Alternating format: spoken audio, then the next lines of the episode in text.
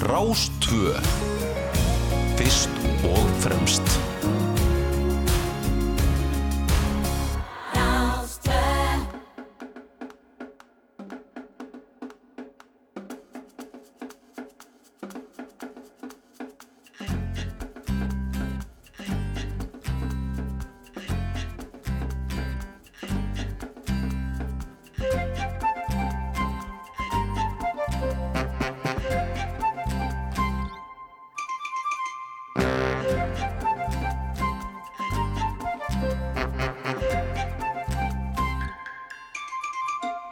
Já, góðan og blessaðan daginn, góðir hlustendur. Það er morgunkaffið sem hilsar á, lögadag fyrir páska.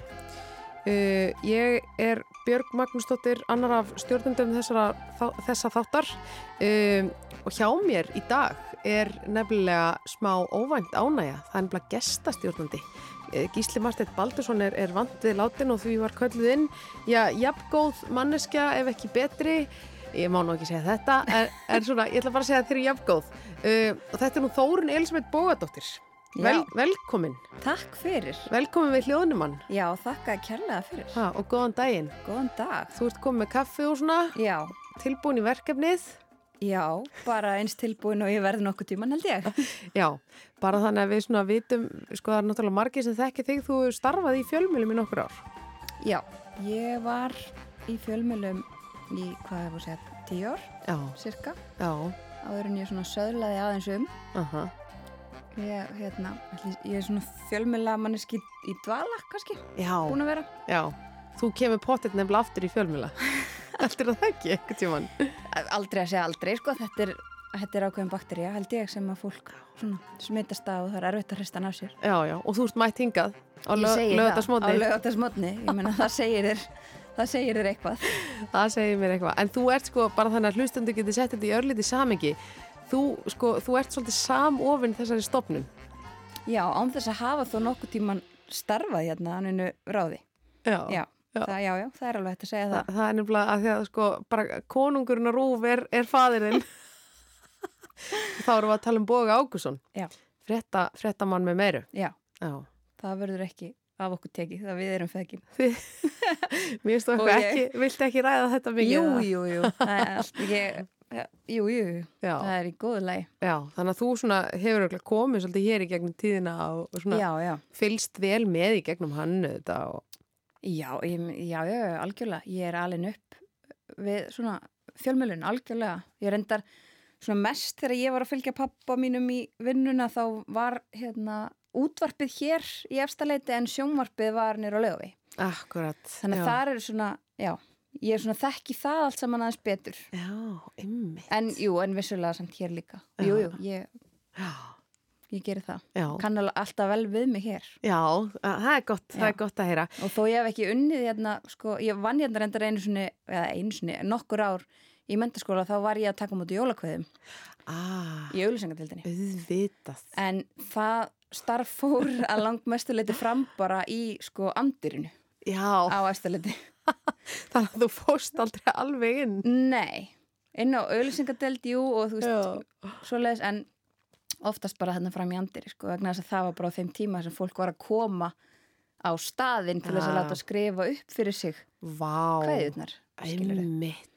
Þetta er nú aðeins breytt í dag, veit ég. Já, ég, trúi því. Mikið, tæknin þarna hefur gert, gert mikið fyrir Já. okkur. Einmitt það. En, en já, þetta er nú Þórun Elisabeth. Hún ætlar að vera með mér hérna. Við ætlum að stýra þessum þætti saman í dag og það er nú svona venja að við bara vindum okkur svona já, frekar fljótt og örgla í fyrsta lag dagsins og við erum nú búin að hérna velja það. Já, svona ljúft og þægilegt en já, Já, svolítið eh, skemmtilegt, baronessan. já með Hjaltalín. Já, Þetta er lag sem var mitt hérna á toppnum á Rástvö hérna um, um daginn og, og hérna margi fíla. Skell, skellum því á fónin.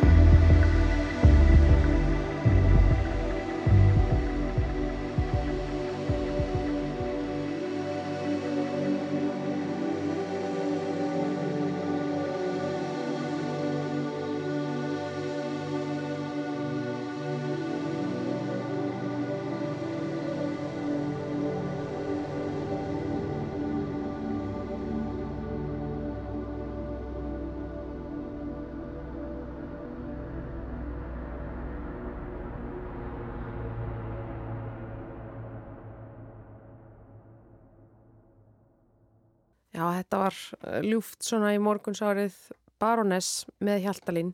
Þannig, þannig að Hjaltalín ætla að, að já, taka einhvers konar stórtónleika í haust, er það ekki? Jú, Já. ég held að sé í september þá Já. ætla þau að ætla þau að mæta í Eldborg í Hörpu. Emmitt, það er nú margir sem að svona býða eftir eh, því, er það ekki? Jú, ég held það. Þetta er hérna, maður má sletta hérna. Já, já, þú starf ás fyrir- tvö. manni fyrirgjöfst þá lögat og smotna að vera ekki alveg vaknaður uh, svona comeback Já, hafa, þetta er það. já, er það ekki Jú. þetta er fyrsta lægið frá þeim í svolítinn tíma Já, og, og von á fyrstu plötunni akkurat. í langan tíma og með, með plötunni koma þessi stórtónleikar Aha, aha. Uh, og eins og þið heyrið, þið sem er að setjast uh, við útvarpið eða kveikja útvarpinu eða koma ykkur á fætur eða snúsa, hvað veit maður? Það er allt í bóði á þessum degi, sko. Þá er, þá er hérna uh, mað, maður í mannstað, þetta er hún Þórun Elisabeth, hún er hérna gestastjórnandi í morgunkaffinu í dag og með okkur verða hér á eftir góði gestir. Það er ótt að segja það. það er óhætt að segja það við ætlum að fá til okkar Sigrúnu Ósk Kristjánsdóttur uh, þekta fjölmjölegunu af, Mhm. af stöðtfu aðalega, hún hefur gert alls konar skemmtilega hluti þar sem hafa ekki mjög mikla aðtegli Mhm. og hún ætlar að drekka kaffi með okkur Já, og það ætlar líka Hannes Þór Halldórsson að gera. ömmit. Hann er nú líka svona örlítið þekktu fyrir kvikmyndagerð en talsvert meira sem fótboltamaður og landslýsmarkmaður í, í fótbolta. Já. Ný fluttur til landsins Ömmit. og hérna, Ok, þú veist svolítið mikið um fótbolta Þórun. Kom þetta mjög óvart að hann væri að koma aftur núna til landsins og spila á Íslandi? nei, að, já og nei. Ég, þetta var svona búið að vera slúðra um þetta í marga mánuði að, og ég held að það hefur bara verið janúar sem að sko íslenski fjölmilar voru farinir að greina frá því hann væri á leiðin í val þó að það hef aldrei verið staðfest Mm -hmm. fyrir bara núna nýlega og, og hérna og hann, honum bauðst held ég að gera ímislegt um, en hann náttúrulega lendir í þessar stöðu að ja, honum er sagt, ég held að bara verið eitthvað í november eitthvað, hann er Já. nýfluttur þarna til Azerbaijan með fjölskylduna sína og allt saman og búin að spila einhverju örfa og leiki að þá fær hann bara vita held ég að hérna, það verði bara ekki meir hann verði bara ekkit hann sé ekkit inn í myndinni hjá þessu liði Já. það er nú Það er raunveruleiki pínu- atvinnumann í fótbolta sem er Já. alltaf svolítið absúrt fyrir okkur svona, sem ekki erum í þessu Þetta getur, það eru, það eru mikla sviftingar greinlega. Það getur svona ímislegt breyst á mjög skömmum tíma. algjörlega það er, ég meina, þetta er alveg útrúlega harður heimur Hann er það, já, já. Mögulega, mögulega spyrju hann út í vítið þarna sem hann varði. já, ég held að Gæti dottið inn. já, hugsa að sé ekki fyrsta skipti sem hann lendir í því Nei. en hann hlýtur að vera að koma með eitthvað gott svar hann segir okkur kannski eitthvað nýtt já. aldrei að vita Aldrei að vita. En það er þessi, sko, þetta heitir bara lögadagurinn fyrir páska. Dagur í dag, ég var eitthvað erinn að skoða þetta og þetta er eiginlega bara almennur frídagur. Það var náttúrulega, þú veist, föstudagurinn langi gær og svo skýrdagur í fyrradag og svo þetta páskadagur á morgun en það, þetta er eiginlega bara svona, svona milli, já, þetta er svona millibilsástand svona millibil, jú. þetta er bara lögadagur en Já. einmitt Þú ert enn að syrkja svona frá föstudeginum eða þú ert svona jafnaði á því einhvern Já. veginn, svo ert að búið undir upprisuna. En þú ert þarna á milli. nákvæmlega Er það ekki svona, jú, já, þannig að við erum í rauninni bara svona stitta fólki stundirnar já, á þessum byggtíma. einmitt fram að páskaegginu, páskalambinu Ah. upprisunni á morgun Ó, er þetta allt svona þjóðulegt og gott heima á þér? Páskalambið og páskaeggin og... Nei, þetta er ekki, það er ekki, þetta er ekki mjög fórstum skorðum, sko, Já. en mér finnst þetta, þetta er samt eitthvað svona eina sem að ég tengi beinlins við páskana. Mm, Er já, Það, ekki? það er Jú. svolítið svona páskalambið er eitthvað svona, já, það er eitthvað. Og páskaeggið þetta. já, já, ég Þú meina. getur ekki taldið páska að skellið einu góð, Nei. góð eggi. Er Ég, nokkuð? ég verða viðkenna, mér finnst, mér finnst of mikið í bóði núna í páskaeggjum. Ég veit ekki hvað ég á að velja. Nei, veistu það, ég er alveg sammálaðir Já. og ég var að hugsa um þetta bara á leiðinni hingað að bara, ég kann ekki við þetta. Eða, þetta er þetta frábært, en ég er, og mér finnst þetta, ég er mikil nammi manneskja, Já, en, já. en einmitt valkvíðin hefur orðið til þess að ég hef aldrei lagt í það að fá mér neitt að þessum svona nýmóðins páskaegg. Ég veit, þetta er bara eitthvað piparhúðaða páskaeggið, ríspáskaeggið, uh, ketopáskaeggið. Er Er það komið? eh, nei, kannski er ég að rugla. Nei, ég, Ég bara sá, það er allt allavega, til. ég sá allavega eitt sem leit út fyrir að ketopáskaegg. Ok. Já, Það ég var hérna, já, það Það er þetta stökk og þann vagn. Páskaegg, akkur er þetta ekki páskaegginu stökk og þann vagn? Eins og eitthvað, aðrar eitthvað matvörur. Veitir endur ekki hversu uh, gott páskaegg það er því en, en það, það er því eflust vinsælt. Ég sá sko einmitt hérna, auglýsingu frá Helga í gói Já, sem eru miklu uppáhaldi hjá mér. þær eru langar og góðar. Þær eru langar og góður og hann var að tala um einmitt þetta að einu sinni hefði það verið þannig að, að hérna, minnir hann hafa orðað þetta svona menn hafi sko gefið elskunni sinni eins stórt páskaegg og hægt var. Það var Ok, svona, svona núna væri fólk, já, táknum, já. mikla ást, þá færi stórt eða ef menn gerir eitthvað af sér kannski líka, Já, þá svona færið voða En stórt. núna væri þetta sem sagt, nú væri fólk að, tala um það að páskaeggin væri svo óholl og hann væri bara ekki sammála því. Helgi Góð er ekki saman Nei, Ekki en ég, og ég held að þetta sé alveg rétt mér sko, ef þú hugsar út í það þá er páskaegg á páskadag ekki það sem er að einhvern veginn fara með því gröfina sko. það er frekar namnið alla hína dagana er það Það ekki? er, þetta er mjög skarplega töð þetta er mjög skarplega töð og núna er fólk líka að fara að borða páskaegg.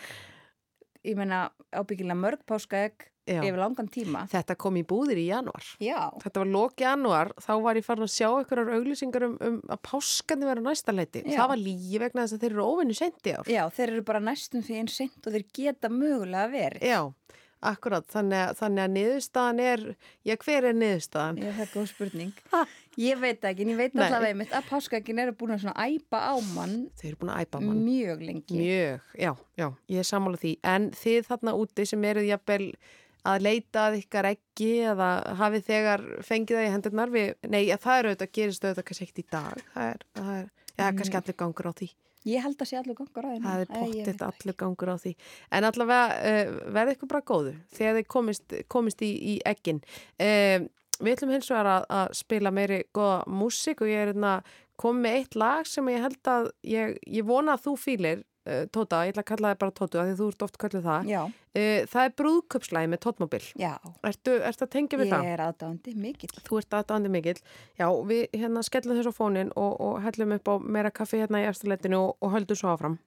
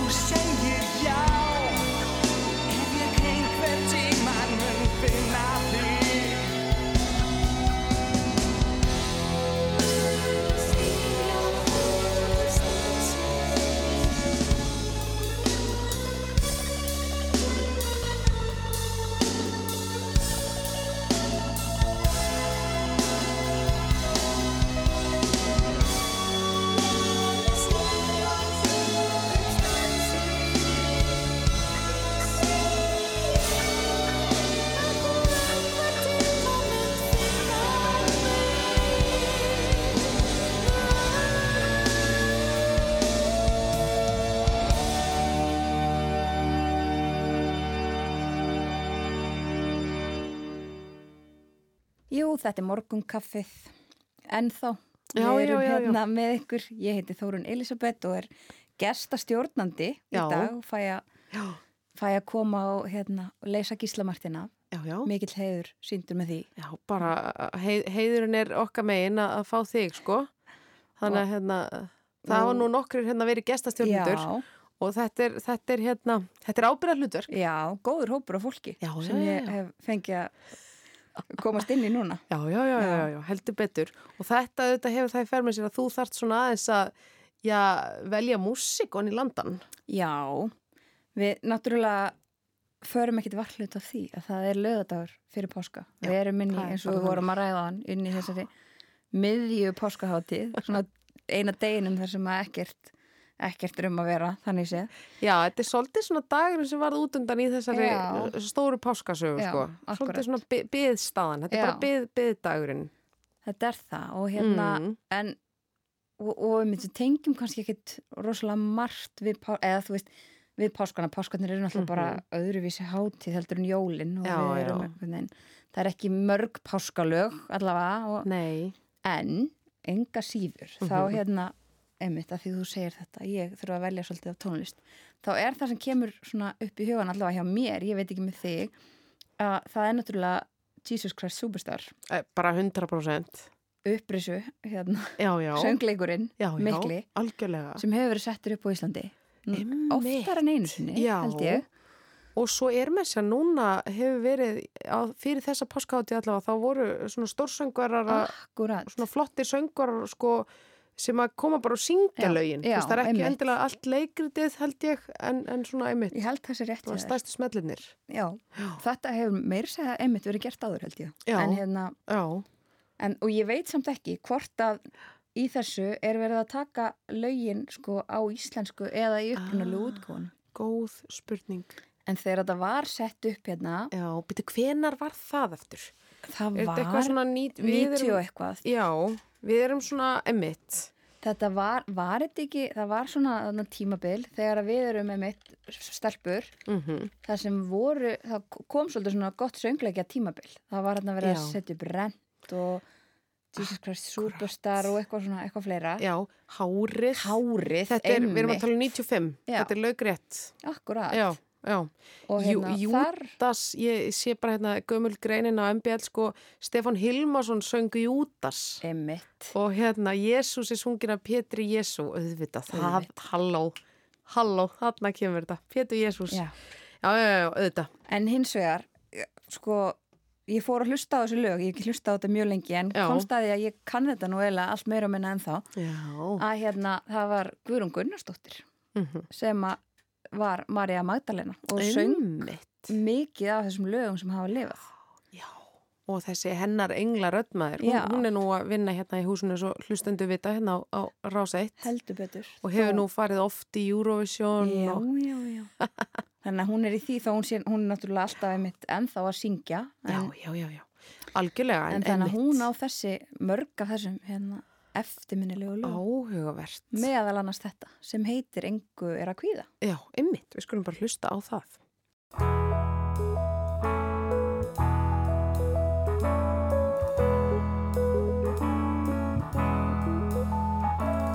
Reyndu ef þú getur að gleyma og kvílast betur, hugsaðu helst ekkert. Láttu sem einhver sé að kvíða, allt fari vel, þessi veröld getur velst á þín. Veit að ljúfa svölun smyrslin mín. Borgið er bráðum þér, gleðstu bara og gleymdu hjá mér.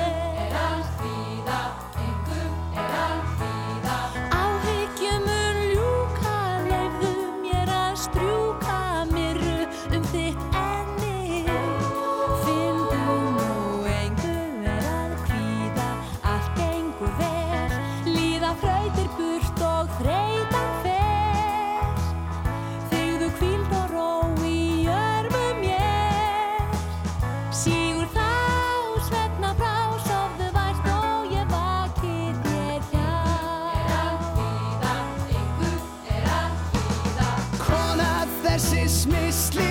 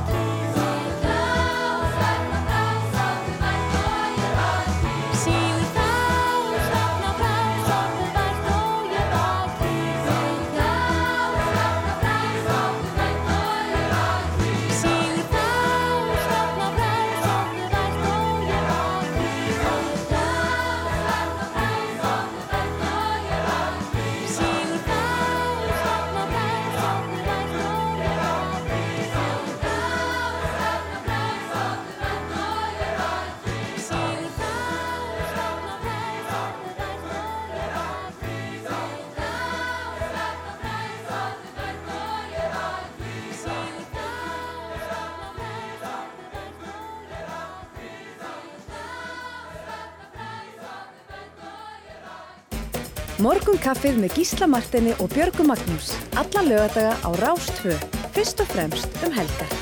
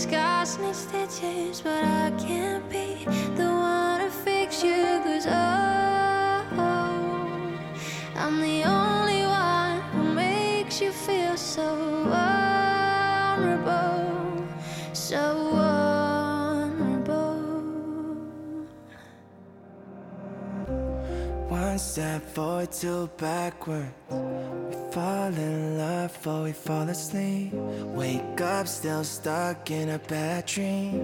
We fall in love or we fall asleep. Question marks, no answers. We look for lies and a little truth in an empty room.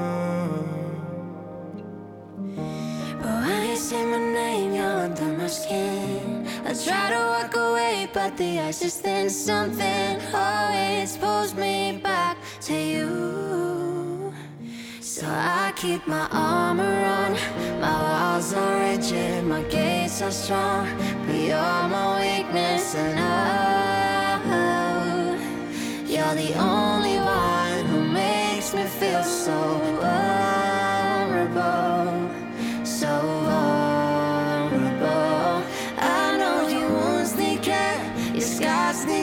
but I can't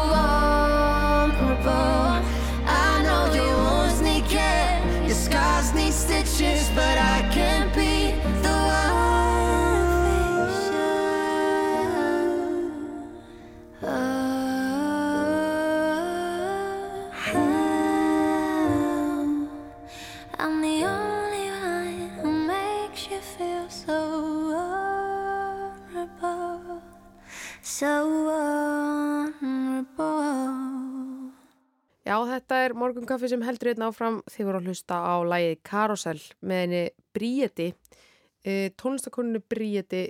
Og hún heitir nú bara fullu nafni Bríet Ísis Elfar. Já. og hún kom nú um mitt hérna og drakk uh, morgunkaffi með okkur Gíslamartinu um daginn. Og þá, mér fannst það svo áhugavert, hún var að segja okkur frá því, sko, hún er bæði ættu frá Egistarlandi og Grænlandi. Já, og síðan elst hún upp á, á Íslandi. Ok. Það er svona tveir mjög skemmtilegir og áhugaverðir menningar heimar. Já, og ólíkir. Mjög ólíkir. Akkurat. Og kannski, þú veist að þú er náttúrulega mjög hæfileikarík og er að gera mikið í tónlistinni, tónlistarlífinu núna, mögulega svona, he- hefur þetta verið einhver svona, ég veit ekki, innblástur eða, eða eitthvað slíkt, sko. hún er allavega svona ferskur andblær í þessu. Já. Hún Hún er það. gaman að hlusta á hana. Já, og hún er það og það er rauninni bara með rosalega mikið af þessari nýju kynslu sem er einhvern veginn að stíga sem fyrstu skref þetta er, þetta er svo hæfileikarikt fólk maður og þetta er bara fólk sem stendur á tvítugu sko valla tvítugt Ég veit það. Bara- Þetta er bara ótrúlega, já. Og þetta er einhvern veginn fólki sem á svolítið mikið Já. bara tónlistar senuna. Já, bara Mikið. 100% Ungt fólk. Manstu hvað þú varst að gera þegar þú varst 19 tvítug? Ekki að semja lög sem að voru í mikill spilun á öllum útastöðum landsins. Allavega. Nei, nei, nei, það, þetta er svona, þetta er myrjast. En við, það er nú svona mikið í gangi um, um allt land eins og venni er uh, um þessa helgi. Það er nú hátíð sem að, uh, já, er ansi vinsæl og hefur verið í gangi um nokkuð tíma og það er aldrei fór í söður Já, á Ísafyrði. heldur Það er nú betur. rosalega skemmtileg, svona, hún hefur fest sig vel í sessi svo hátíð. Já, alveg rækilega. Og hérna, um, hvað ætlum sé orðin gömul? Ég, hún, Örgla, Jú, 15, ég, það heldur það ekki? Já. jú, bara svona, svona lítil hugmynd. Já, Ég held að þetta hafi nú bara verið eitt, eitt kvöld þegar þetta hófst. já, Og nú er þetta orðið að bara mjög svona, einmitt, stórri og Já. einmitt, svona skemmtilegur háti sem er algjörlega múin að festa sig í sessi og fullt af fólki sem að ferðangað á hverju ári. bara 100% og þetta er sko, ég sé einna, einmitt, fyrsta hátíð var haldinn 2004, þannig að þetta er 15 ár núna. Og það eru þetta Múkisson sem er Já, hann á já. bakvið þetta og, og svona gengi í kringum hann. En það er ennbla, já það er margir skemmtilegi tónlistamenn að spila þar. Og, og eitt sem að við höfum nú stundum spilað hérna, við spilum með mitt lag með hann í síðasta þætti sem að hann og Bubbi gerði saman, Já, lagið svolítið einmitt. skemmtilegt lag. En hérna kemur þess lag með Berntsen sem er einn af þeim sem koma fram á, á Ísafyrði þessa helgi. Og þetta er lagið uh, Supertime. Og það er spurningum að senda bara bestu kveður uh, já, vestur. Það held ég. til þeirra sem eru þarna uh, hérna að taka þátt í hátíðinni. Er að vakna upp og fara að skella sér í sund og suðureyri og eitthvað svona. nákvæmlega hafa kannski fengið sér eitt, tvo í gær. Já, aldrei að vita. mögulega. Já, hérna kemur hann. Þetta er hann Berntsen handa ykkur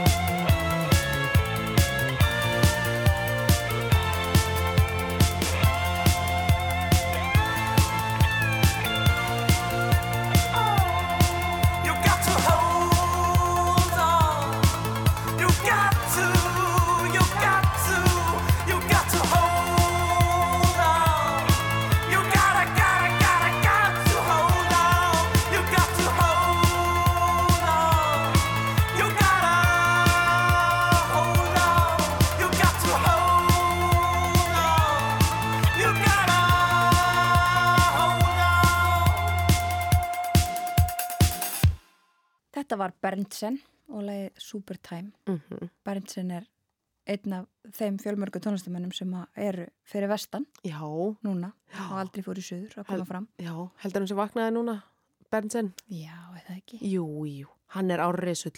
Ég hugsa það, hann er að hlusta. Hann er bara, hann er bara að hlusta. Nei, það er nú Já, samt við þessa hátti líka. Hún er, hún er orðin fjölskyldahátti, ég held að dagskráin byrji bara upp Já. úr hátti eða eitthvað svoleiðis, ég held að ég sé ekki að lífa því Emmitt.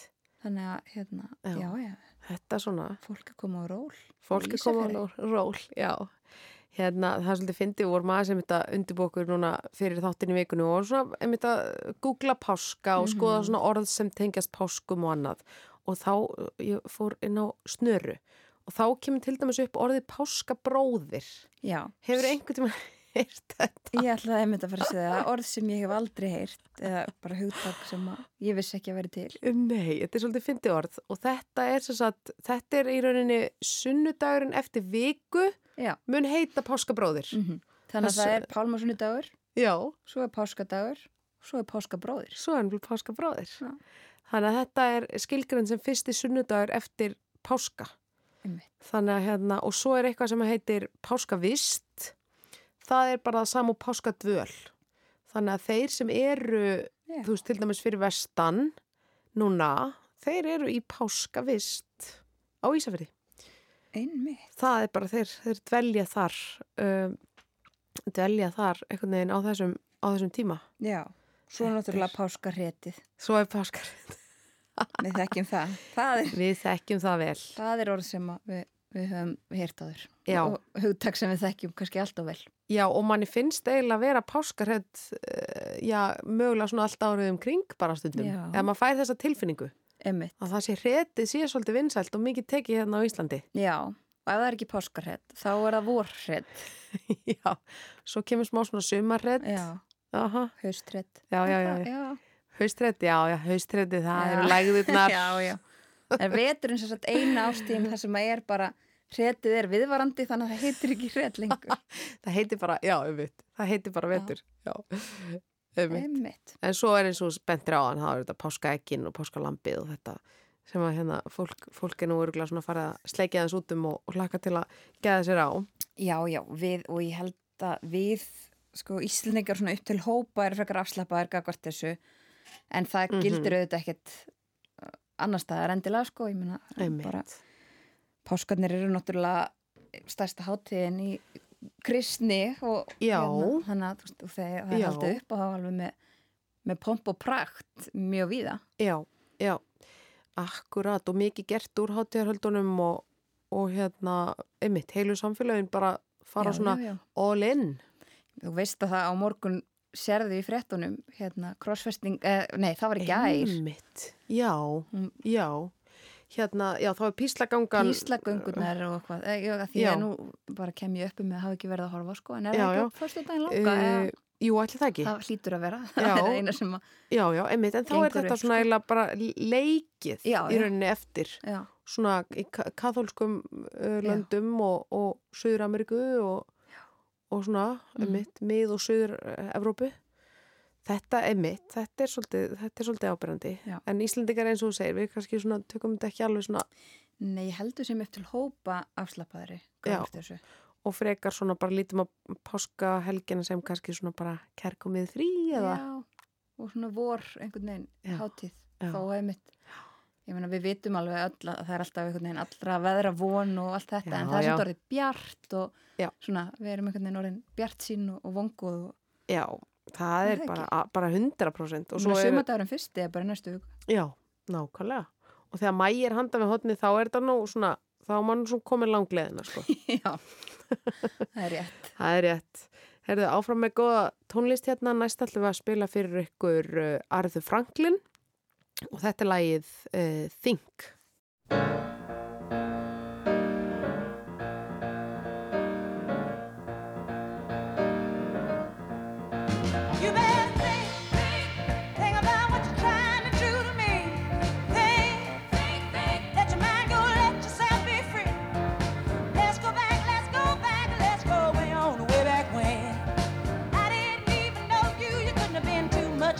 change.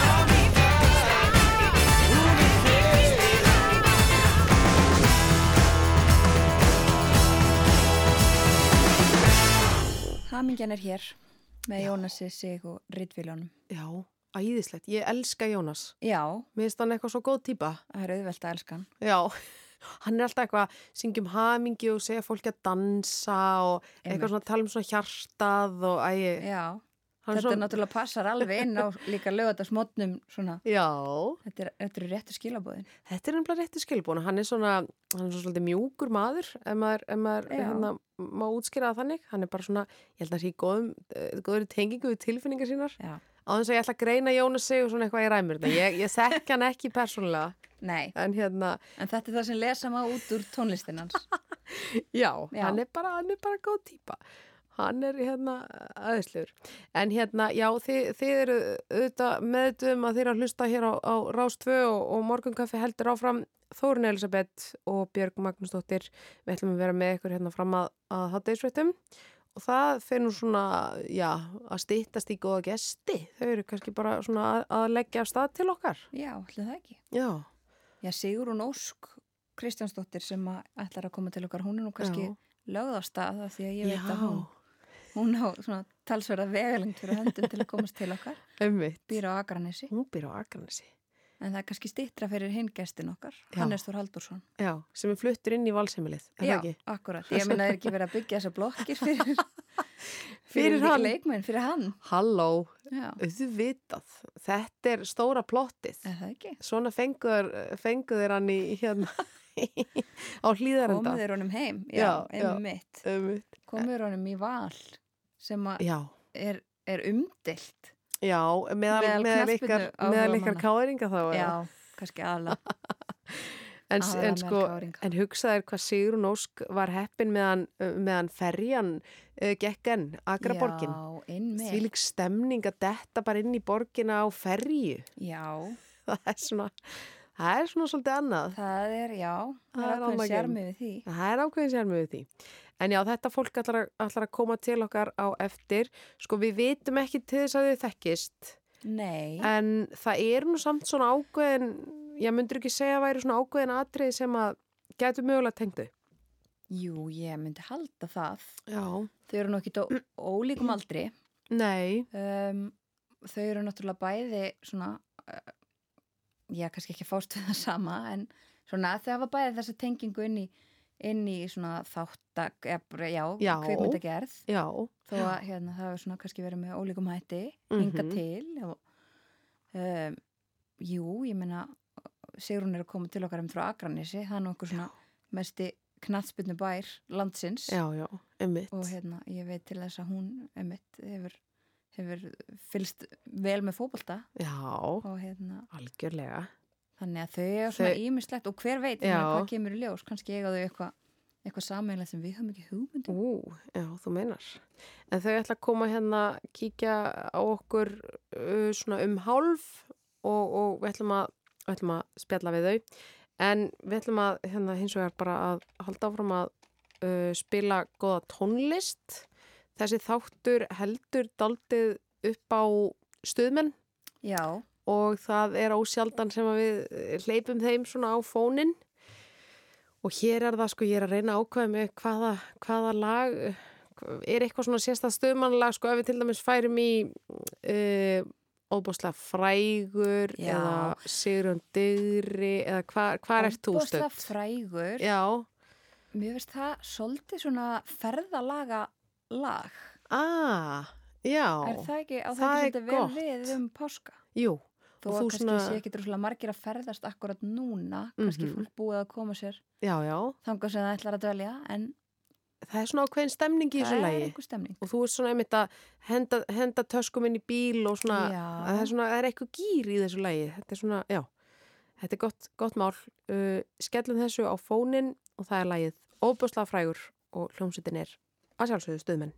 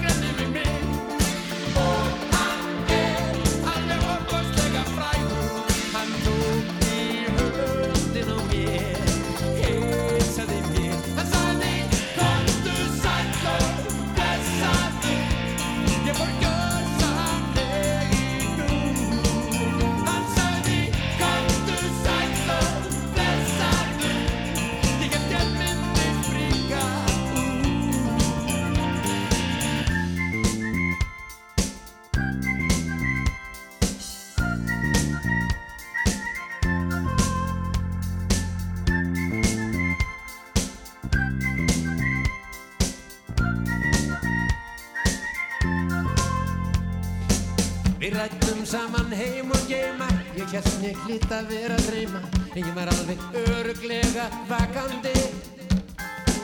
Mér fannst að mér ansi bráður. Hann spurði hvort ég væri fjáður Og hvort ég væri allskáður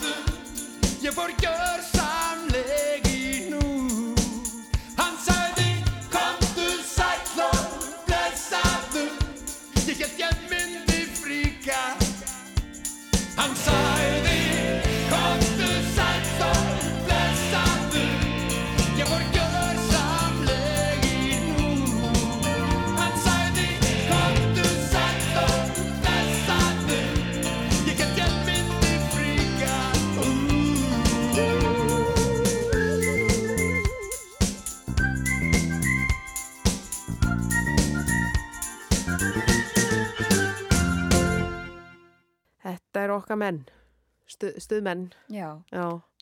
Þetta er, eru þeir hljómsveit þáttarins?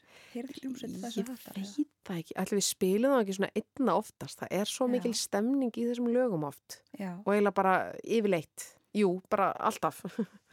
já, og þú, já, það er náttúrulega er líka þannig að ábyggilega allir sem er að hlusta þekkja. Þú Mhm. lendir ekki því að hérna, hlustendur þekki ekki Nei, lag með stuðmönnum. þetta er líka þetta saminar kynnslóðunar, Ég segi það. það geta allir, allir dilla sér. Já, við stuðmenn sem að einmitt hafa nú staðið undir nafni bara í nokkra áratugi.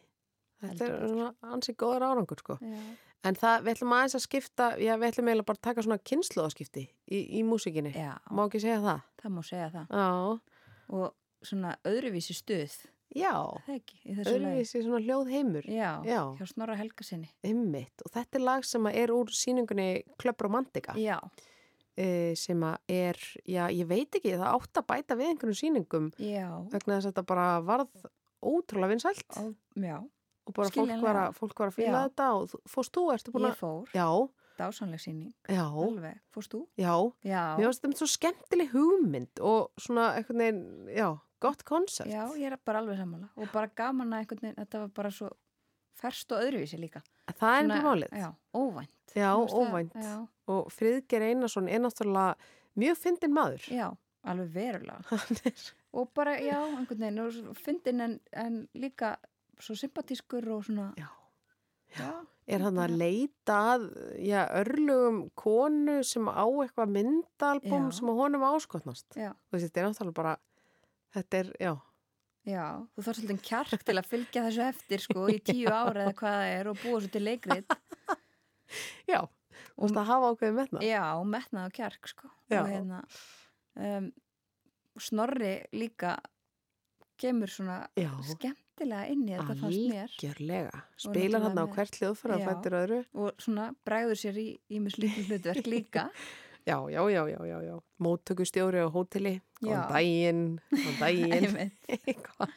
En þetta er þessi slag sem að já, er svona, kemur úr síningunni. Já, Mm og hérna kannski einhverjir sem geta tengt við þetta fólk nota nú páskana ekki bara til að ferðast um Mhm. Ísland heldur líka oft svona Já, til heitari heitari Heitari landa, landa. þú meinar, Já, emitt. þetta er lagið við strendur Mæjorka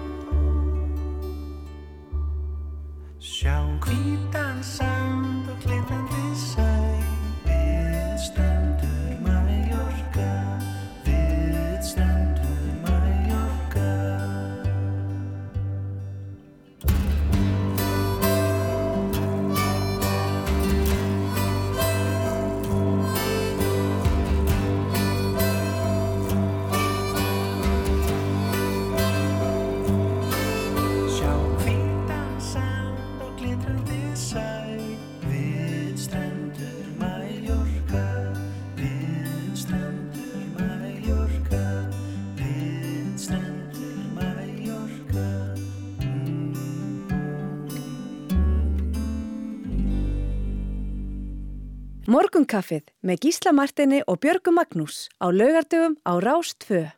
Uh, sko, eins og alþjóð veit þá styttist óðum í Eurovision keppnina. Já, Já, Hver, hvar stendur þú gagvart uh, Eurovision, Þórun Elisabeth? sko nú nefnilega myndu kannski sjá eftir því að hafa fengið mig sem gestastjórnandi Ó þennan nei, þátt. Vegna þess að, nei, nei, ég er ekki, ég er ekki á móti Eurovision en ég er ekki svona sérfræðingur eins og þið gísli Martin, náttúrulega augljóslega eruð bæði. já, við höfum svolítið náhuga á þessu. Þið hafið svolítið náhuga á þessu. Það fer ekki fram hjá hlustundum þessa þáttar eins og ég hef verið bara Einmitt. þangað til dag. Um, en hor- við horfum á Eurovision og ég fylgdist með þér og, félagum í Já, sönguakefninni og hérna og það er ekkert hægt annað en að, en að fylgjast með þessu. Já, og ef maður fylgist yfir höfuð með fjölmjölum á Íslandi þá kemur ekkert annað til greina. Og svo náttúrulega auðvitað magnast alveg spennan hérna, fram að þessum þessum viðburði. Já, þetta er þannig. Þannig að þú ert svona, svolítið svona eins og þjóðinn. Þú bara svolítið svona, Já, þú dettur inn svona á þessum loka metrum svolítið. Já, ég hérna, verða við ekki það sko, það er ekki Já, meira já. en það. Ég, ekki, ég get ekki sagt þér neitt sko um til dæmis bara framlög annara landa eða eitthvað svo leið sko, það er ekki- allt í lægi. En sko, þú gerir þig grein fyrir því að við eigum raunhagan möguleika á því að vinna í ár. Svo er mér sagt, einmitt Já, já. Fólk er að reyna að róa mig aðeins í þessu sko tempravæntingarnar en, en já, ég er að skoða þetta núna og samkvæmt veðbankanum núna erum við í sjötta sæti Já, og það við höfum svona verið að rúla fymta til, til sjönda. ok Það er svolítið svona, uh, Holland er hérna ofarlega og, og mér langaði mitt að kynna þið fyrir einu júrósanlægi sem er hérna ofarlega samkvæmt spánum núna. Þannig að sko það er nefnilega, já, svo eru rússar hérna og sviss og, og svíjarnir.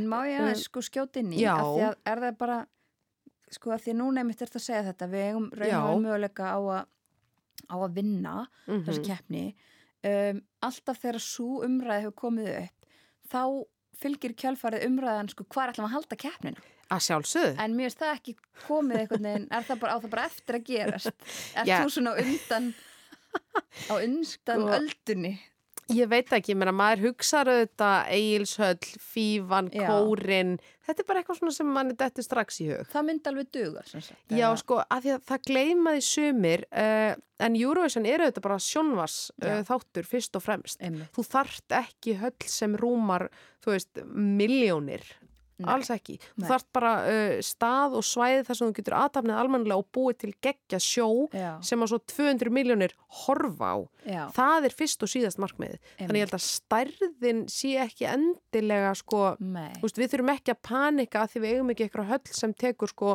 50 miljónir eða eitthvað þannig sko. Ég er ekki vissum að það séu til hallir undar sem taka 50 miljónir manns Nei, en Eh, ég skil, ég vissulega. skil hvað þú meinar Ó, Já, þannig að ég, ég, veist, ég, ég segi bara við þurfum ekki að vera eitthvað stressuð yfir því Nei. þó að þetta líti vel út á þessum tímúti. ok. Já, nákvæmlega. En svo auðvitað líka, ég meina það er auðvitað líka eins og segir, það fyrir ímislegt á stað á þessum tímúti eins og bara hver á að kenna stíin og, og hvernig Já. verður þetta allt saman og, og Það, það er ekki búið að tilkynna það það er búið, að það er tilkynna ekki búið til ekki, stigin? nei, Nei. ekki svo viti, nei. Spennandi. Ég er nefnilega, hérna, fyrst þú nefnir þetta því að í undirbúningi fyrir, hérna, bara að hitta viðmælendur okkar sem Já. er að koma hérna eftir smástund. Uh, þá komst ég að því sem ég ekki vissi um hana Sigrún Ósk, fjölmjölakonu, ég meina, hún hefur náttúrulega verið fjölmjölum já, en hún gerði þetta eins og fekk þetta hún kynnti stíin. heiður. Það er nefnilega það. Þetta líst mér vel á. Já, Já. veit ekki sko hvaða, hvaða lag það var eða, eða hvaða þjóð sigraði það árið sko, ég er eins og ég segi ekki sérfræðingur já, þessu, nei, nei, það má, það má ræða þetta betur við hana hér og já, eftir. en þetta er allavega á ferilskránu hennar Þetta er glæsilegt. Þetta eru glæsilegar upplýsingar og uh, það lag sem að mig, uh, okkur langaði að spila í dag er sem sagt að því við erum búin að spila sko öll Norðurlanda framlaugin uh, og þau eru svona nokkuð sterk í ár, sérstaklega svíjarnir hana, Jón, Jón Lund, Lund, Lundvik, Jón Lundvik, já. En mér langaði að fara til Ítalíu í dag. Já. Það er nefnilega svolítið cool náungi sem kemur uh, þaðan. Það er hann Mahmoud og lægið heitir Soldi og þetta er ítalska framlægið í ár. In periferia fa molto caldo, mamma stai tranquilla sto arrivando, te la prenderai per un bugiardo, ti sembrava amore ma era altro. Beve champagne sotto Ramadan, Jackie Chan, fuma narghile, mi chiede come va. Mi chiede come va, come va, come va. Penso più veloce per capire se domani tu mi fregherai. Non ho tempo per chiarire perché solo ora so cosa sei. È difficile stare al mondo quando perdi l'orgoglio. Lasci casa in un giorno. Tu dimmi se pensavi solo ai soldi, soldi. Come se avessi avuto soldi, soldi. Dimmi se ti manco te ne fotti, fotti. Mi chiedevi come va, come va, come va. Adesso come va, come va, come va. Ciò che devi dire non l'hai detto. Tradire una pallottola nel petto. Prendi tutta la tua carità casa ma lo sai che lo sa. Su una sedia lei mi chiederà. Mi chiede come va, come va, come va. Penso più veloce per capire se domani tu mi fregherai. Non ho tempo per chiarire perché solo ora so cosa sei. È difficile stare al mondo quando perdi l'orgoglio. Ho capito in un secondo che tu da me volevi solo soldi, soldi. Come se avessi avuto soldi, soldi. Prima mi parlavi fino a tardi, tardi. Mi chiedevi come va, come va, come va Adesso come va, come va, come va ولدي ولدي حبيبي تعالي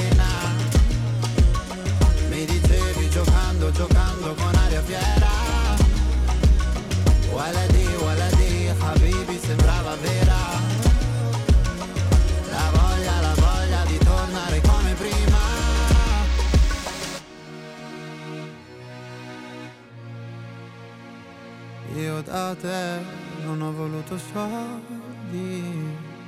È difficile stare al mondo quando perdi l'orgoglio. Lasci casa in un giorno.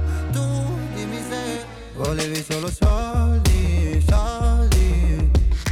Come se avessi avuto soldi, soldi. Lasci la città ma nessuno lo sa Ieri eri chiedi come va, come va, come va Sai già come va, come va, come va Morgunkaffið með Gísla Martini og Björgu Magnús á laugardögum á Rás 2. Já, góður hlustendur, við höldum þá áfram með morgunkaffið eins og þið eflust viti nú þegar þá er Þórun Elisabeth Bóðadóttir hérna í stað Gísla Martens, þannig að þú ert Gísli dagsins. Ég er gísli dagsins. Það er bara allt í góðu með það og, og það eru komnir ansi góðu gestir til okkar. Heldur betur. Við erum komið með góða gesti yfir næsta kaffibólla. Já, algjörlega. Það er sko eitt fótboltamæður og ein fjölmjölakona. Já. Já. Sigrun Ósk Kristjánsdóttir og Hannes Þór Haldursson. Verið velkomin. Takk kærlega fyrir. Takk fyrir það. Gaman að fá ykkur. Já, verulega skemmtilegt. Er það ekki? Jú. Já, eru þið svona páskatýpur?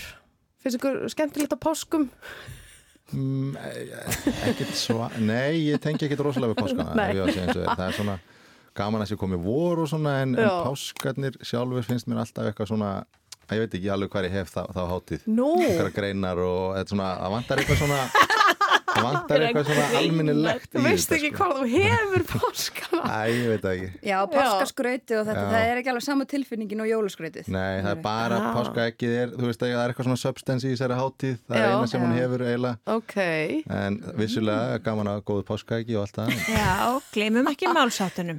Einmitt, einmitt. Ok. Svona má- En þú þessi típa, hvaða málsátt fegst þú? Já, já, já, alltaf, alltaf. Mér stila verst, sko, því að við tókum smá fórskot á sæluna Já. um daginn og keftum svona ykkur hænu egg þegar að börnum hans fara að spyrja, sko, hvað þýðir þetta? Og þetta er jafnvel eitthvað sem að maður notar alveg svona svolítið erfitt að útskýra. Já. Einhvern veginn bara, einmitt. þetta er sko eins og þegar að, og svo byrja ég bara svona færa mér svona smám saman yfir eitthvað annað herbyggi og vonaði að spyrja ekkert meira Nei, Já. en ég finnst páskatinn alltaf vera meira svona bara kær komið frí Já, það er enda mjög góð punktur. Tökum, tökum frí ánum alveg. Minni, Já, Fegin við gerum það. Við minni pressa, enga gjafir, miklu minna vesen. Já, ok, ok, þið er að selja mér Já, þetta. mér finnst nefnilega að þetta gafastús að vera laus við það. Þú veist, það, er, það er rosa stressfaktor við jólinn, sko. Já, og líka, mynd, ég held, er það ekki þannig bara þetta sem Hannes er að segja að sko, við höfum einmitt allavega á Íslandi svona almennt held ég ekkert neitt rosalega mikla væntingar til páskana, þannig að þetta er allt einhvern veginn aðeins afslappara. Já, Einmitt, okkur er svona sama ok. þó það er að engin bara... páskabóð eða ekki allavega mikið. Akkurat. Þú getur svolítið bara verið á þínum eigin fórsöndum. Já. Já. Aðeins Hann, Hannes er að taka þetta í jólin. sátt. Já, Ég sé held að það. öll Já. sammála hérna en Já. eru kannski benda mér á svona einhvern veginn hvað þetta er allt saman jákvæmt. Já. Já, já, já, já, já. Positífa svona hlutana að þessu. Já, en hérna það er spurning að byrja á þá nú stórar fréttir núna bara fyrir, fyrir nokkru allir fótbolta áhuga menn landsins og eiginlega bara þjóðinöll Mhm. bara fylgdist með þessu þegar þú samtir við ákveði félag í Reykjavík Já, já. Valsarana Mhm. Já, Tóta er mjög ána með þetta Tóta er furious. Já, ég er komin inga fyrir hönd Vesturbæinga, sko, það er engin tilvílin að ég er gerstastjórnandi núna í staðan fyrir Gísla. Hann mér væri að- brjálaður líka. Mér Já. að þetta er svona good cop, bad cop. Já, við- já, ég þarf að Tóta reyna. myndi hjóla í mig. Og ég, Nei, er bara, þú- ég er bara klár, hvað er með Ef við þetta? værum í kárútvarpinu, þá myndi ég grilla þig. En hérna, nei, en bara hvernig er að vera komin heim? Var þetta á planinu að koma til Íslands? Sko, það var á planinu að koma eftir uh, samningin í Azerbaijan Mhm. en, en ég er að koma, eða við erum að koma rúmlega ári fyrr en planið var. Uh, ég, ég gerði tveggjára samningu við þetta lið og það Mhm. er samningur fram að Evrópumótinu tvö- uh, 2020 sem er, er markmiðið að komast á Mhm. og, og svona mér fannst alltaf langlíklegasta scenaríóið að við myndum klára samningin og koma síðan heim eftir það. Það því að við erum búin að vera úti núna í 5-6 ár og erum orðin svolítið þreytt á þessu flakki og erum alltaf stuttum tím, í stuttum tíma á hverjum stað. Mhm. Þannig að svona, þú veist, við allavega vorum búin að lofa Katinu stelpunum minni að, veist, það er ekki fleiri staðir Já. eftir Azerbaijan, þetta væri svona, þetta taka þetta á þig, en, en svo förum við, fyr, förum við til Íslands. Þannig að þegar að þetta síðan breytist og mér var tilkynnt í janúar að það væri ekki framtíð fyrir mig í þessu félagi og, og mér væri velkomið að, að fara ef ég vildi eða fyndi eitthvað, þá svona bara þurftum við að skoða svolítið stöðuna og, og þú veist, hafandi upplifa margt spila á mörgum stöðum í Skandinavíu og, og svona, þá svona var ég ekkert sérstaklega spenntur fyrir því að fara að elda einhverja samninga hingað eða þangað um Skandinavíu bara til þess að halda mér út í atvinnumennsku að því að eins og ég segi, ég pröfa það og, og svona það var bara kýtlað eitthvað að koma, koma heim, margt svona jákvætt við það Uh, þannig að eftir að hafa hugsað þetta í svolítið tíma þá svona fannst okkur þetta bara lang besta niðurstaðan. Já. Mhm. Og, Og það- byrju, ekki, það, þú varst svona aðeins að í að því sko af hverju ekki káir, var það ekki? Já, það er náttúrulega er alltaf undirliggjandi spurning. Já, já. Já. Nei, nei, ég veit, svo, sem- það voru fleiri liðaldur en valur sem að, á Íslandi sem að vildu fá þig til sín, er það ekki? Jú, jú, ég fekk símtöl, alls konar símtöl á, hérna, bara í, í nokkrar vikur eða mánuði í rauninni Mhm. eftir að það svona kvissaðist út að, að ég væri ekkit í neitt spestöðu þarna út í Azerbaijan og, og hérna uh, þú veist, svona misformlegt skiluru og ég, það, það, þau tekkuð alveg á mér á einhverju tímapunkti, vinnu mínir í Vesturbænum og, og hérna Uh, og það er bara, þú veist, við getum setið hérna og, og, og, og rætt, rætt það heil lengi af hverju, af hverju þetta var niðurstaðan. Ég held að, ég held að það væri meiri stemning fyrir því í, í káur útvarpinu það er svona maður kröfin, ég veit ekki alveg hvað hva, hva, hérna hlustendur hafa mikla þólumæði fyrir, fyrir einhverjum sko, djúpum útskýringum. Nei, akkurat, en mér leik svolítið forvétna að vita, sko, er enginn til dæmis brjálaður í ert... Nei, breyðholtinu þar er, þar, hérna, menn svona vita nú bara held ég Að þú ert ekki að fara í leikni. sín takmörk þar sko, og, og bara eru nú bara ánæði með að, að, hérna, að, að einhver sem að fór í gegnum ynguflokkana þar Já. hafi náða að þú veist spila á þessum stórmótum og, og, og gera það sem að það sem að, já, svona mér, tókst að gera, þannig að menn eru bara ánæðir þar og, en, en hérna Og fara bara að halda með val. Og fara bara að halda með val í Ég, eftir ég að bre- þeir líta bara á mig sem leiknismann Já. sko. þeir Já. eiga ágættis kleim í það núna þegar ég er búin að vera í nokkru liðum Já, sko. já, já, ég já. var- var kannski lengst í leikni Já, það eru bara að- hópferðir úr, úr breiðaldurinn er á hlýðarenda. Já, Er það ekki? það, ég veit ekki það, Nei, nei. Kemur í ljós. Ég var þetta reyndur á það en, en já, nei, Já. þeir eru bara ánæðir held ég með, Já. með sinn mann, leiknismenn Ert þú, Sigrun, ert þú með góðan þröskuld fyrir svona fótboltatali? Já, nokkuð góðan. Er það ekki? Ég ætla að segja, ég sem hlutlaus aðili tengiði við leikni. Já, Já. Leiknismæður í, í mínum huga, sko. Aha, aha. Ég þurfti upprifjun til hérna aðan til þess að þetta inn í KR já, hérna dæmið allt saman. Já. En jú, jú, ég er búin að vera uh, í sambandi með miklum fótbolta áhuga manni í 20 ár og hef svona þróað með mér áhuga Já. fyrir Já. þessu. Ok. Já, Og það, það er geng- ekkit stórmál. Nei, Nei, nei. en það hefur gengið vel að þróa með þér. Já, áhuga, já, það er allt hægt ef að, ef að viljinu fyrir hendi. Já, og hann er að þjálfa sérst núna kvennalandslið, er það ekki? Jú, Já, tóku því í haust. já, Þannig að nú er maður bara all-in í kvennaboltanum já, já. líka. Já, Já. Það bætast við, landsliðið og Já. Einmitt. svo fylgist maður með ía, sko.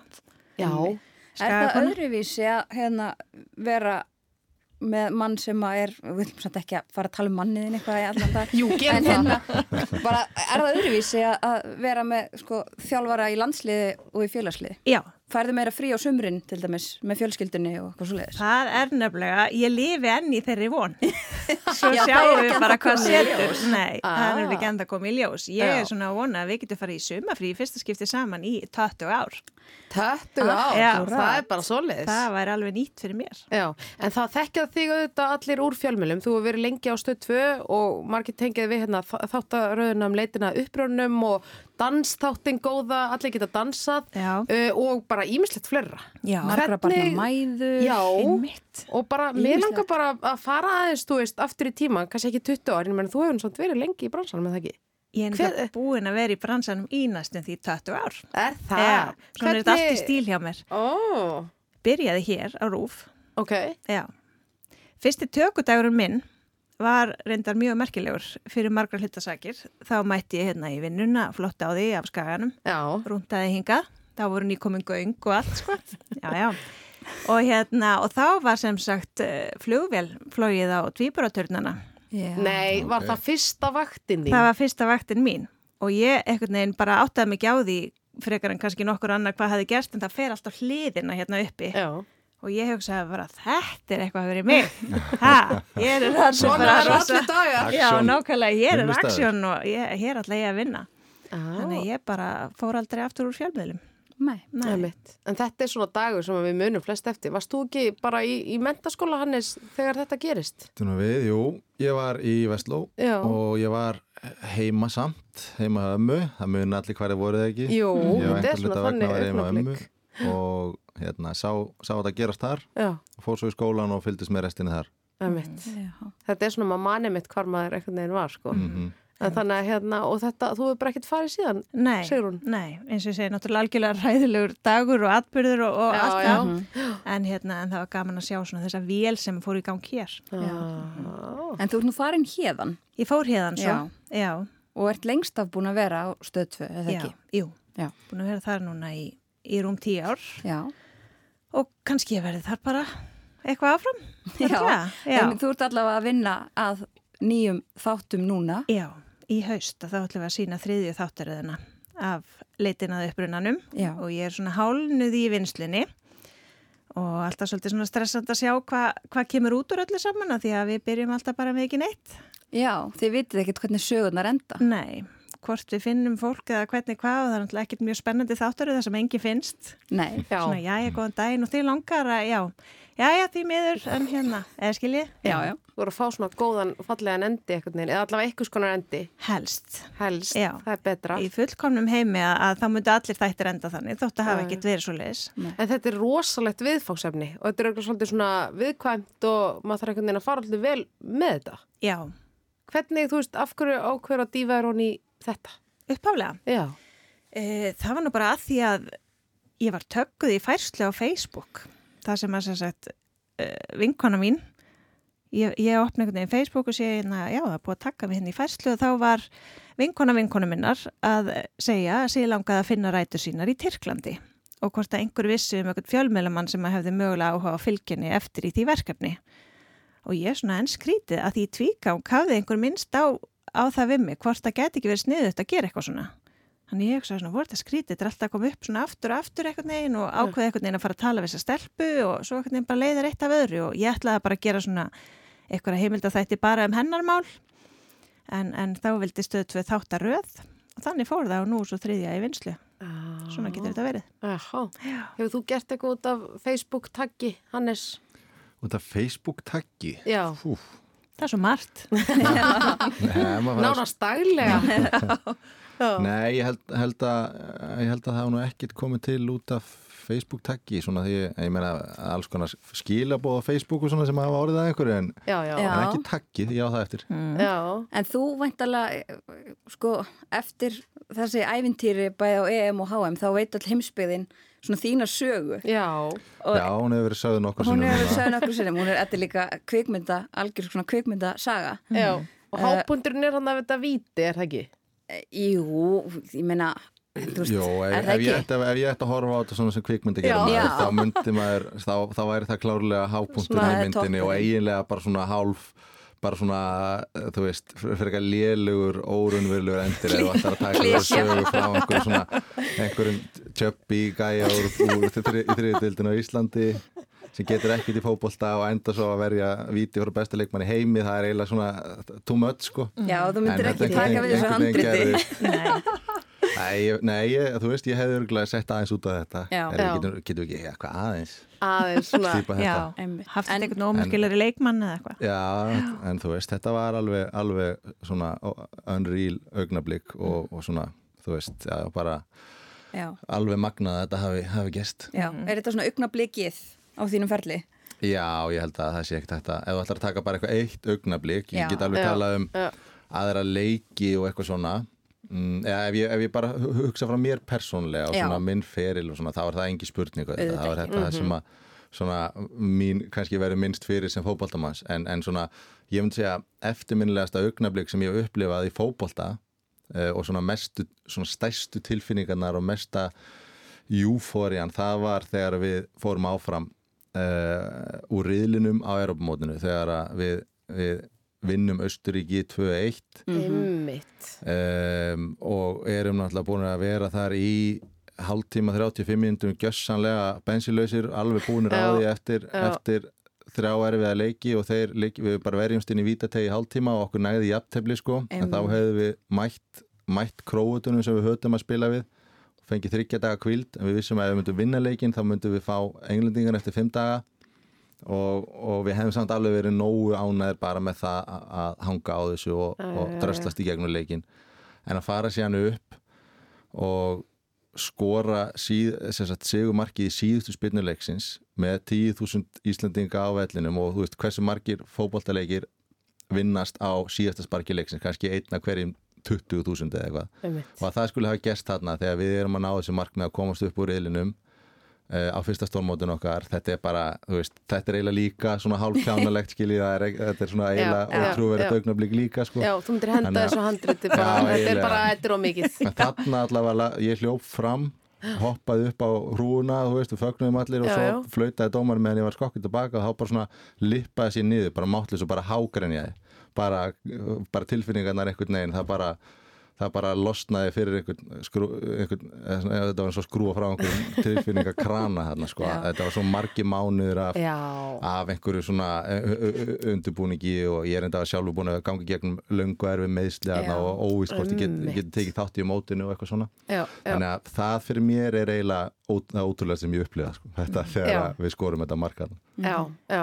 En náttúrulega þessi tvö augnablík sem að þú ert að nefna núna sem eitthvað persónlegan sigur fyrir þig eru líka þannig augnablík að ég man hvað ég var skiljið eins og með tvíbaraturnan þetta var náttúrulega bara eitthvað rugg Ég ætlaði einmitt já, að nefna það þetta líka. Ég hugsa að meira hluti þjóðarinnar hafi líka einhvern veginn lippast niður og fara að gráta. En svona með aðeins minni svona rétt á því, sko, heldur en þú á þessu augnablikki. En ég hugsa að það hafi mjög margir fannst bara léttirinn og eins og ég segi tilfinninga svona brjálaði þarna það er enginlega að lýsa því sko. Já, og hugsar um þetta daglega ennþá, þessi tvö augnablik. Ekki daglega nei. Nei, en samt. en, en þetta er svona eitthvað sem maður hefur alltaf og það Já. sem er svo frábært við að ná árangri í íþróttum er að það er eitthvað sem þú getur alltaf verið stoltur af, er aldrei tekið af þér þess vegna er léttinu svo mikið þegar að mikið þegar dómarinn flautar af og þú ert komin með úslitin í hendurnar og árangurinn er komin þá er hann bara fastur og verður þar og verður aldrei Mm. tekin að þér og það er bara eitthvað sem maður, svona, við, maður getur svona einhvern veginn um, þó maður sé ekkert alltaf að hugsa um það á hverjum degi eins og þú Mhm. spyrð þá, en, en þá er þetta alltaf með manni skilur og maður svona þú veist, veit af þessu og, og svona, Já, já. svona einhvern veginn gefur manni svona smá alltaf Smá bensín svona. eitthvað bensín Eða eða, svona. já, maður, maður getur alltaf verið stoltur af þessu. Já, já. Við ætlum að hérna, spila smá músík og, og svo er það auðvitað fréttinnar og allt það en, en þið eru ekki að fara neitt sko. Eru bara, við erum bara rétt að byrja. Sigrun Ósk og Hannes Þór. Og, og hérna þau verða með ykkur sérst áfram og við Þórun Elisabeth eh, stýrum þessu og reynum að, að fá eitthvað almennlegt upp um hérna eftir klukkan 11 Þjóðvegur 66 Í fjallægt síndist fjöllin vera blá. Fundu hvorki sjálfa sinni eitthvað sem þau þrá Á þjóðvegi 66 Ó, þjóðvegi 66 Manneskjur og flótta Allstaða og ferði gegnum New York og Disneyland. Og nýðar þessi með. Allir beigði vestur, held í sömu átt, sátu upp á plassinu, það hafði engin hátt. Á tjóðvegi 66, í fjallægtum síndist, fjöllin er að blá, fundu hvorki sjálfa sinni eitthvað sem þau þrá, á þjóðvegi 66, ó, þjóðvegi 66. Jón okkur Steinbeck, hann fór þessa slóð og hann skrifaði skruttu um undarlega þjóð. Um fólk í nauðum sem leitaði að náð, mætti fjandskap allt þetta er skráð. Á þjóðvegi 66, örlung á spilin, en kjöð var ekki góð, annarkortan degi eða fara þessa slóð. Á þjóði 66 Já, á þjóði 66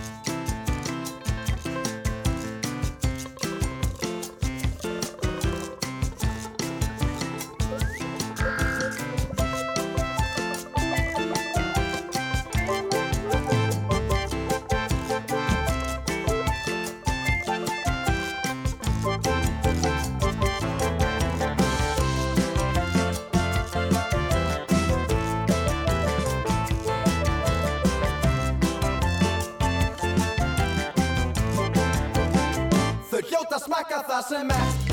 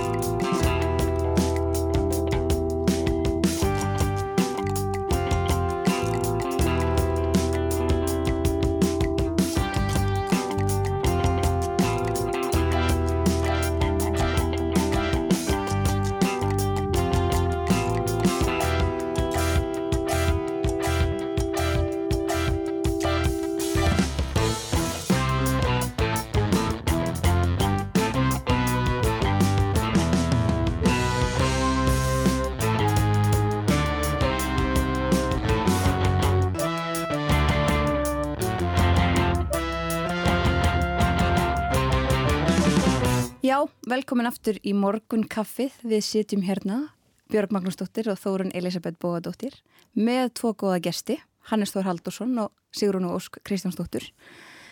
Og það er víst hefði í þessum þætti að spyrja fólk um kaffivenjur, af því að þetta er nú morgun kaffið og flestir ábyggilega líka heima með Já. kaffibotla við hönd. Pottet. Hvernig drekkið þið skemmtilegt. kaffið? Já. Viltu byrja? Ég, ég er svona alltaf að breyta svolítið. Já. Nú. Núna er ég föst í þetta hljómar alveg hræðilega okay. plebbalega en, ég- en ég fæ mér tvöfaldan sojalatte. Vá. Já, ég veit það. Það Ég er veit það. alveg- takk fyrir það. Ég heyrði það bara slær Það er bara þögn eins á og þetta hópinn. sé einhver svona klísja úr einhverju Ég veit það. Ég veit að ég bara byrðist Svona, Þú ert afsökunar. að stýra einhverju fundi á Vafge bara eitthvað svona Já, eh, já. ef maður fer alla leið Sko ég er ekkert rosa mikil mjólkur kona en, ég- en mín hefur ekki tekist að læra að drekka svart kaffi Mhm. e, þannig ég fór svona að þreyfa mig áfram með svona hafra, soja, eitthvað Mm. og þetta var svona eitthvað mix sem að sem að er bara að gera sig fyrir mig í augnablikinu mér reyndar finnst svo er ég alltaf líka að reyna að draga úr kannski er það líka eitthvað sem ég má helst ekki segja hér en ég er svona að reyna að draga úr koffin neyslu þannig að ég var að smakka svona chai latte bara í fyrsta skipti í gær. Já. Já, það er bara nokkuð gott en það er bara eitthvað svona tea mjólkur Já. dótt, Alltaf- já, Það er- alltaf útþynt með mjólk Já, já, Já. Já. aftur. Ok. Ég byrst afsökunar. Nei, Nei, ég er bara þetta er bara- Mér finnst þetta líka svolítið skemmtilegt sko sojalattin Já. á skaganum sko. Já, ég reyndar, ég kaupi hann nú ekki á skaganum Nei, þú gerir það ekki. Nei, ég kaupi hann í te og kaffi Já. á Suðurlandsbrutinu. Það er nefnilega kaffihús bara á vinnustafnum. Ah, er það ekki stór hættulegt? Það er stór Er maður hættulegt. ekki alltaf bara Jú, Já. og maður þarf svona að hugsa bara fyrirfram þegar maður mætir, þá er maður bara mjög einbettur, það er bara einn eitt bolli, eitt sparibólli Já. á dag. En hvernig er með svona sojamjólk? Það er ekki að flytja hana 2000 kílometra til að koma inn til landsins er ekki svaka Ah, svona sótspor Nei, ég, ég er svo mikið, með svo mikið samvinskupið út af öllu svona þessa dagana, út af sævarhelga Ég Já. líka, loftslags kvíða. Já, Ég heyrði þetta kalla það en daginn og ég er búin að þjásta honum bara frá barnæsku. já Þannig að það það- er bara svart. Nú skipti ég yfir í svart. Þú ætlar ekkert að svara. Þetta er bara svona En jú, það er öruglega þannig. Já, Ég- ég- Gætum bara- að tekið þetta lengra og ég menna hvaðan koma bönirnar, Björg? Já, já, herðu, já, jú, hva, já, emmi. Við erum í svolítið vondum málum ef við ætlum að stoppa þetta allt saman Það er þar. náttúrulega koma, þær koma langa leið. Þær gera það. Þær gera það. Já. En þú, Hannes, hvernig drekkur þú Skiptum um Ég, ég drekk það eiginlega bara sem svartast sko. Já. Já. og hérna uh, já, það hefur bara svona ég, ég fíla það mest í, í vél Mhm. um, ekki upp á held einhverju hluta vegna Ok. þá vil ég íta á takka Já. og fá Já. svona smá fróðu Ok. og ljósbrúna brúna fróðu efst í bollan og ég vil helst hafa það í svona frekar litlum kaffibotla þannig að það alveg nemi við brúnina Einmitt. annars finnst mér eins og kaffið sé einhvern veginn orðið svona svolítið hálfvolt eða svona fljótt að vera ég, vil, ég drekka svolítið rætt að ég vil hafa það heitt og svona Ok. gyrnilegt sem, meðan ég er að drekka uh, svo eins og ég segi, svo er það að verða svartar og svartari á mér Já. uh, út í Azerbaijan þá fekk ég mér svona vél frá Illy sem að er eitthvað svona espresso, eitthvað voða merki sko, kaffimerki Já. og það var, það var eiginlega bara hægt að fá espresso í það ég var alltaf með Nespresso vél heima og þessi, þú veist en ég fekk, þannig að ég drakk eiginlega bara alltaf tvöfaldan espresso það núti Mm. og fann að gera það voða mikið Marga? Já, alltaf mikið. Ég drekk svolítið mikið kaffi sko og Já. eiginlega elska það. Ég elska að hafa mig kaffi á mótnana, Já. Hef hann sterkan og svo er ég eiginlega að fá mér allt á marga sko. Og það er eitt sem að er jákvætt þegar maður er bara í svörtu það er að því ég hugsa svolítið mikið um kaloríu líka sko. Þetta er náttúrulega kaloríu frýr drikkur Ah. um leið og maður er farin að mixa þessu 80% eða 50% mjólk eða eitthvað þá, er, þá er, er, er, hefur maður ekki þann luxu sko. Nei. en, en hérna að ég, ég nota þetta svolítið sem þú veist svona hva, hvað er íslensku orðið yfir replacement Já, staðkvæmtavara. staðgengi Staðgengill, fyrir já. eitthvað Já. en mér langar í eitthvað eða þegar mér vantar Ah. eitthvað að gera eða eitthvað, þá Já, fæ ég mér rosa oft kaffi Já, og ferðu alveg í kaffi skjáltan þegar þú ert á áttunda og nýjunda bolla? mm, já já, ég held að ég kannast alveg, ég veit ekki alveg nákvæmlega hvernig maður skilgjörnir hann en, en Já. ég, svona, ég finn það alveg því ég er búin Svona- að drekka of mikið þetta var kannski einu, tveim of mikið Já. Akkur horfur á tóti? Nei, ég, ég, nú er ég forritin um, um, um þi, þinn kaffibolla. Mínar kaffivennjur, já. Ég er smá eins og Sigrun, ég er svona skipti aðeins. Að Ég drekk samt oftast bara svart kaffi með smá mjólk. Mm -hmm. Fæ mér flat white á kaffihúsin og líka smá svona. Hvað er flat white, ef ég maður spyrja? Ég er ekki að reyna að vera eitthvað harður með okkur bara við Þarna- Nei, þannig líka bara náður mér að því ég, ég er ekki með skilgreininguna. Sko. Er þetta ekki basically, þú veist, latte með aðeins minni mjólk? Jú, það er svolítið þannig. Já. Það er bara sko, sko góð kaffi, Já. smá heit mjólk. Mhm. Það er ekki, ég meðist, latte er orðið of mikið, allt of mikið af mjólk fyrir mig. Svo Var er svona að vera reyndar, með svona tvöfaldan cappuccino líka, gerir það stundum. svo er reyndar ein fyrir ekki að ég má skjóta einu Já, að, því, að, því ég talaði bara um svart kaffi Já. að svo finnst mér líka rosa sjarmi að fá mér sko uppáhelt í svona pappabolla við réttar aðstæður eins og til dæmis þegar maður fer á völlin Mm. þá finnst mér það einhvern veginn, ég tengi það tvent alveg saman að fara á Já. völlin á Íslandi og vera með eitthvað svona uppáhelt kaffi Já. í rjúkandi pappaglasi Mhm. en það verður oft vond líka og þá finnst mér fínt að setja smá mjölk úti til að deyfa hversu vond það er Já, ég tengi alveg við þetta líka. eins og til dæmis þegar ég var að, þegar ég var að hérna að, að hérna, leikstýra á sínum tíma þegar að, þú veist það var svona catering þá var það, það kaffi ofta ekkert sérstakt Nei. og þá setti ég oft smá mjölk úti til, a, til að einhvern veginn nulla það út hversu Já. vond það var Vá, ok. þannig að svona uppáhelt svona staði kaffi Já, já, þá já. finnst mér mjölkin oft hjálpa Ah, en hérna, að því þú talar aðeins um Azerbaijan, þú veist, getum við aðeins rætt uh, þennan tíma þar? Að því Já. ég meina, ég, ég bara hugsa Azerbaijan, ég veit ekkert, sko, við hverju á að búast eða hvernig landið þetta er og, og ég meina, hvernig var þessi tími? Hvernig er að vera þarna?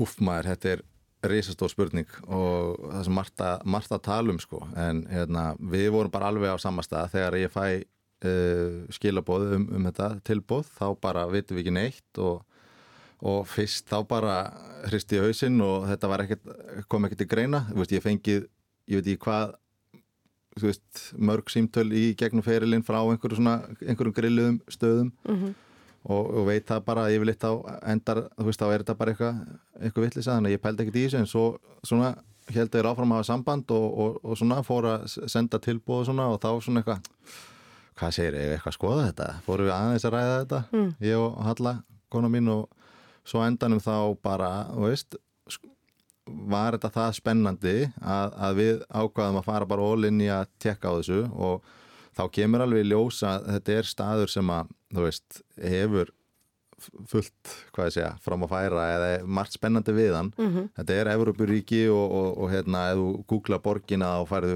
rosa flottar myndir og Mhm. svona m- m- miðsvæðið og strandlingjan og, og svona mjög flott og uppbyggingarna og svona þannig að hérna, það var, það var alveg á það reynandi að búa þarna og, svona og, og reyna að koma, þú veist, planið var að vera þarna í tvö ár og, og, og reyna svona að koma undir okkur fótunum þarna og bara og, og, og búa til svona smá, smá líf þarna í, í tvö ár, krakkarnir fór í, í frábæran engaskóla eða svona international alþjóðlegan skóla þar sem að, þar sem að eru kennarar frá hérna Breitlandi og Bandaríkjónum mikið og, og bara svona töluð Katrín, dóttir mín er sexara, hún tala bara ennsku núna með bara amerískum hreim, alveg 100% amerískum hreim, sem er mjög töff sko.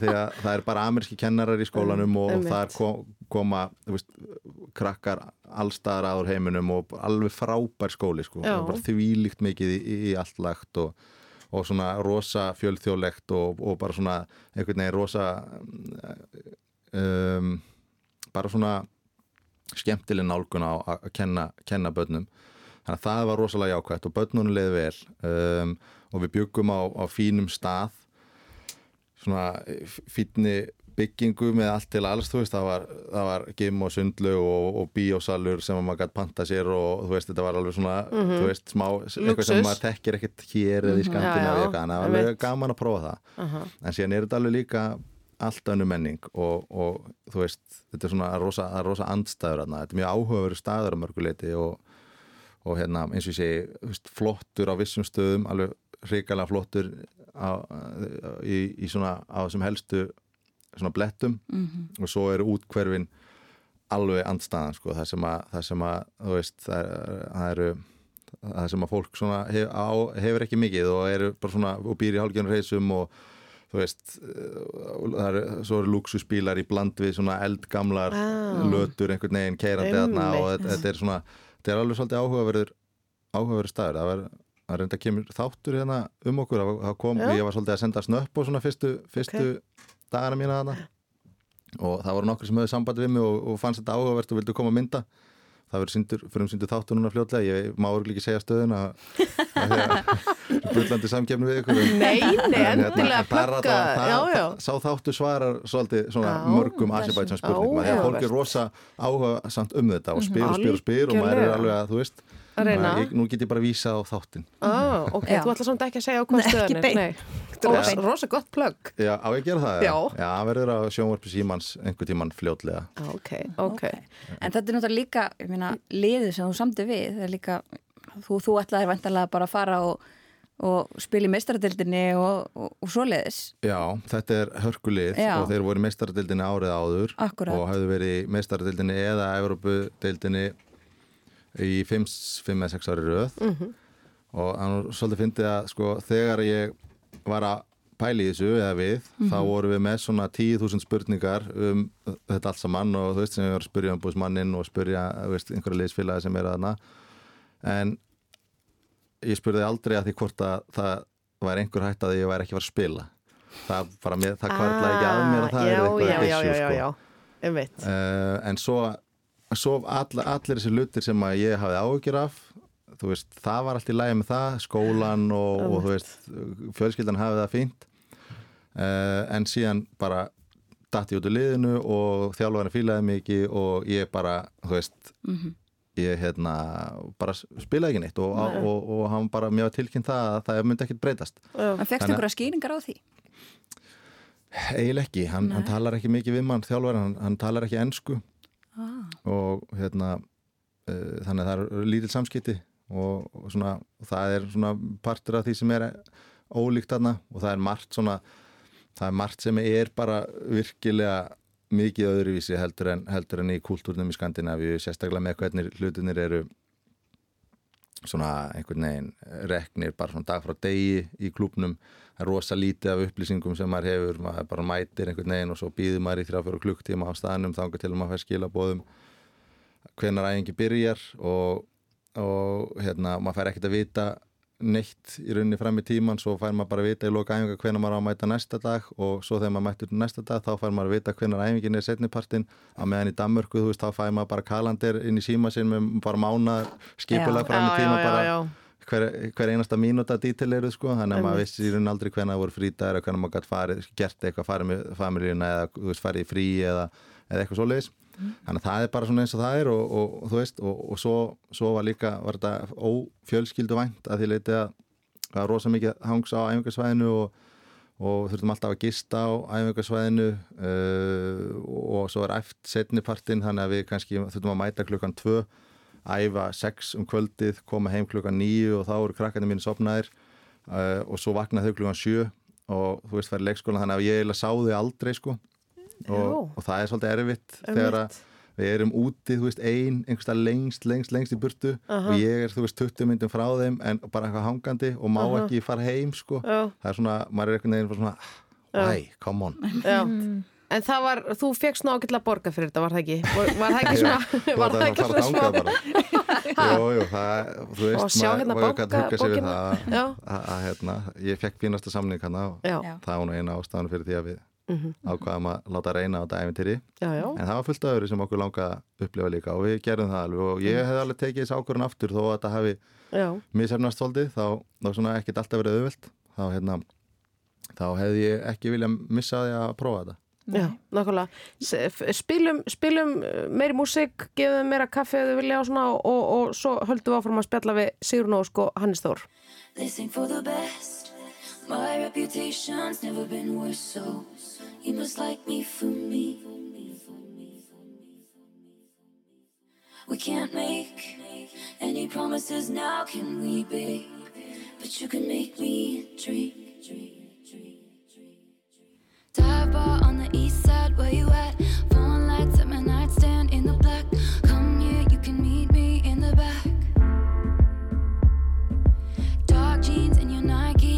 Oh, damn, never seen that color blue. Just think of the fun things we could do. Cause I like. They sing for the best. My reputation's never been worse, so you must like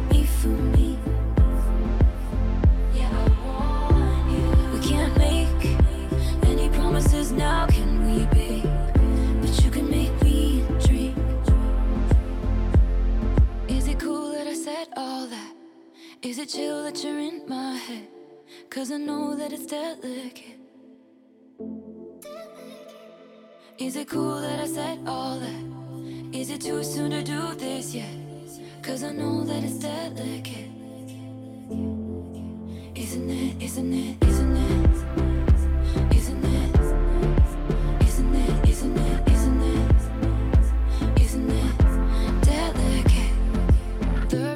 On the west side, me and you.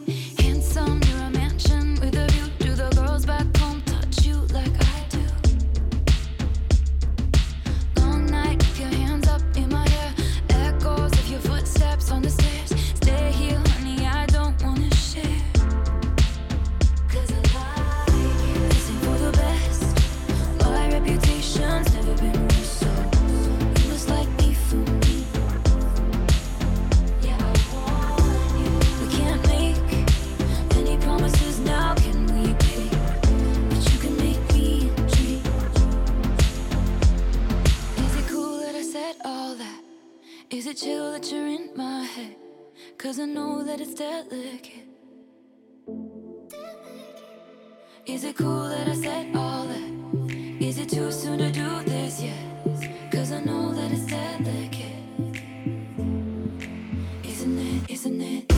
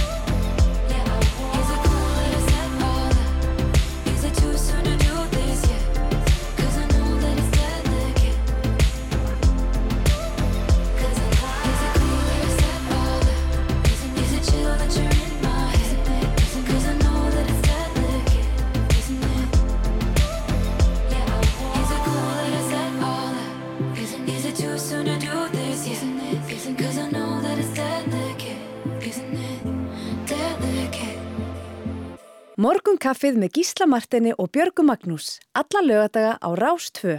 Fyrst og fremst um helgar. Uh, já, kæru hlustendur, áfram heldur, morgun kaffið, Þórun Elisabeth er gísli dagsins, uh, þú ert ekki búin að tala um hjól eða umhverfsmál eða, þú veist, mislega gatnamót. Ég skal bara bjarga þessu í síðasta hlutu þáttarins Björg. Hvað er Gísli ef ég má spyrja svona, hann, er, hann er bara á ferð og flugi um heiminn, hann er svona heimsmaður. það? Ok. Mm. Hérna, S- Sigrún Ósk, þú ert, við vorum aðeins að tala um það, þú hefur verið að gera þættina leitina upprönnum Já. og, og þú hefur auðvitað farið út um allan heim, Mm. einhvern veginn í þeirri þáttagerð. Já. Hvernig, getur þú bara aðeins útskýrt fyrir okkur hvernig þessar ferðir eru? Þú veist, þetta hlýtur að vera aldrei svona, já, stórt og, og mikið. Mm, það er náttúrulega jafn misjafnar og það eru margar eiginlega. En það er ótrúlega gaman að því að ég hef alveg ferðast mikið utan þeirrar þáttaraðar líka Já. og búið við það og einhvern veginn.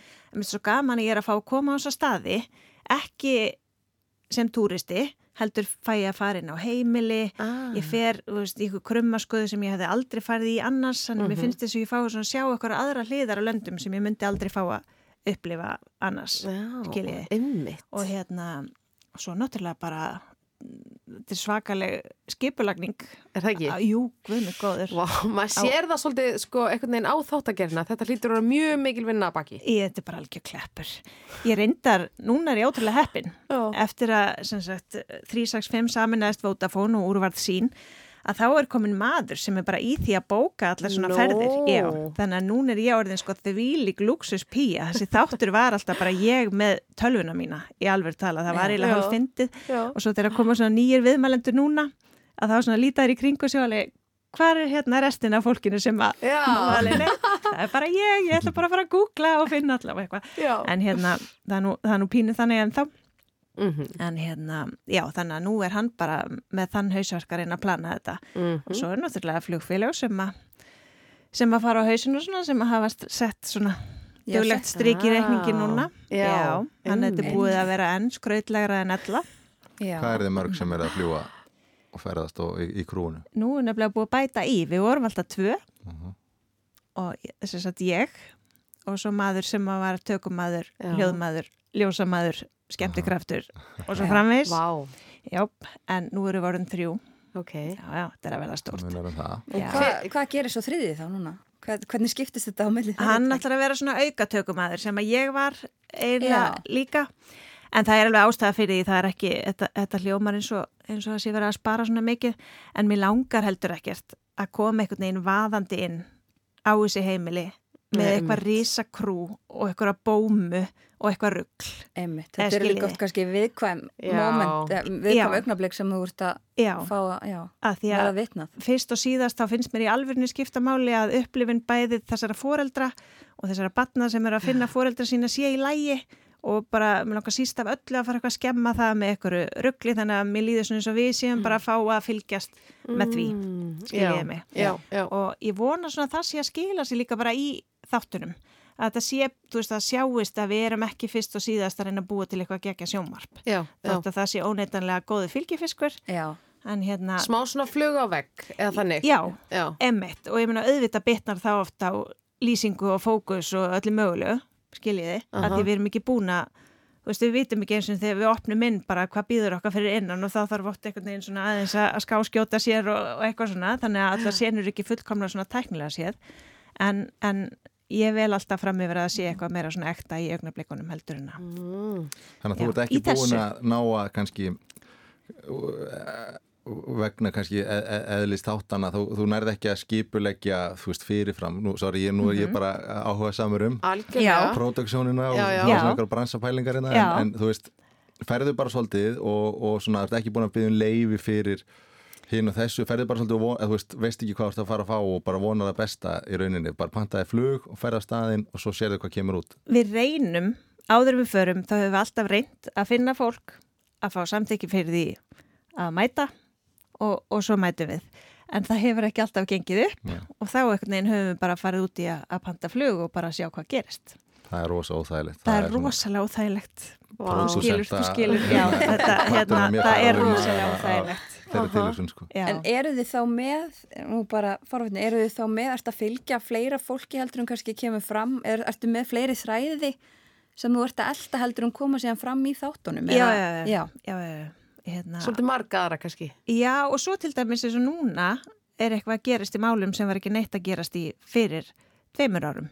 Skiljiði mig. Einmitt. Þannig ég kannski byrjuði í samskiptu við fólk bara fyrir löngu og svo fá hlutinni svona malla því þetta getur tekið óhemju tíma Já. og svo eru kannski tilviljanir sem að vera til þess að, að það gerist eitthvað. Uh Þannig Áttu að eitthvað, svona, eitthvað svona eftirminnilegt augnablik í, í þessu öllu saman? Ég, ve- það er örgla mörg, en mannst eftir einhverju svona mómenti þar sem þú nærði einhvern veginn því sem þið langaði að ná? Úff, það var svo oft. Ég fyrst kemur upp í hugan svona málið sem ég held einhvern veginn að væri aldrei að fara að ganga og Aha. er þið bara eitthvað hrikalegt. Já, já. Það var því ég fóð með stelpu sem að heiti Lindarut og býr á Ísafyrði, búin að leita að breskum föðu sínum í 20 ár og, hérna, og hann finnst út í Breitlandi, eða réttar sagt nafnið hans finnst á okkur um pappýrum og, hérna, og okkur tekst ekkert að finna hann og þetta var svona eins og þetta væri maður sem að vildi ekkert finnast eða skiljið, þau Já, sem já. voru að hjálpa okkur í leitinu sögðu bara, þú veist, þetta er eitthvað skrítið og hann er ekki að skrási til að kjósa og eitthvað svona, þetta er allt eitthvað voða dubjus, þannig lagað.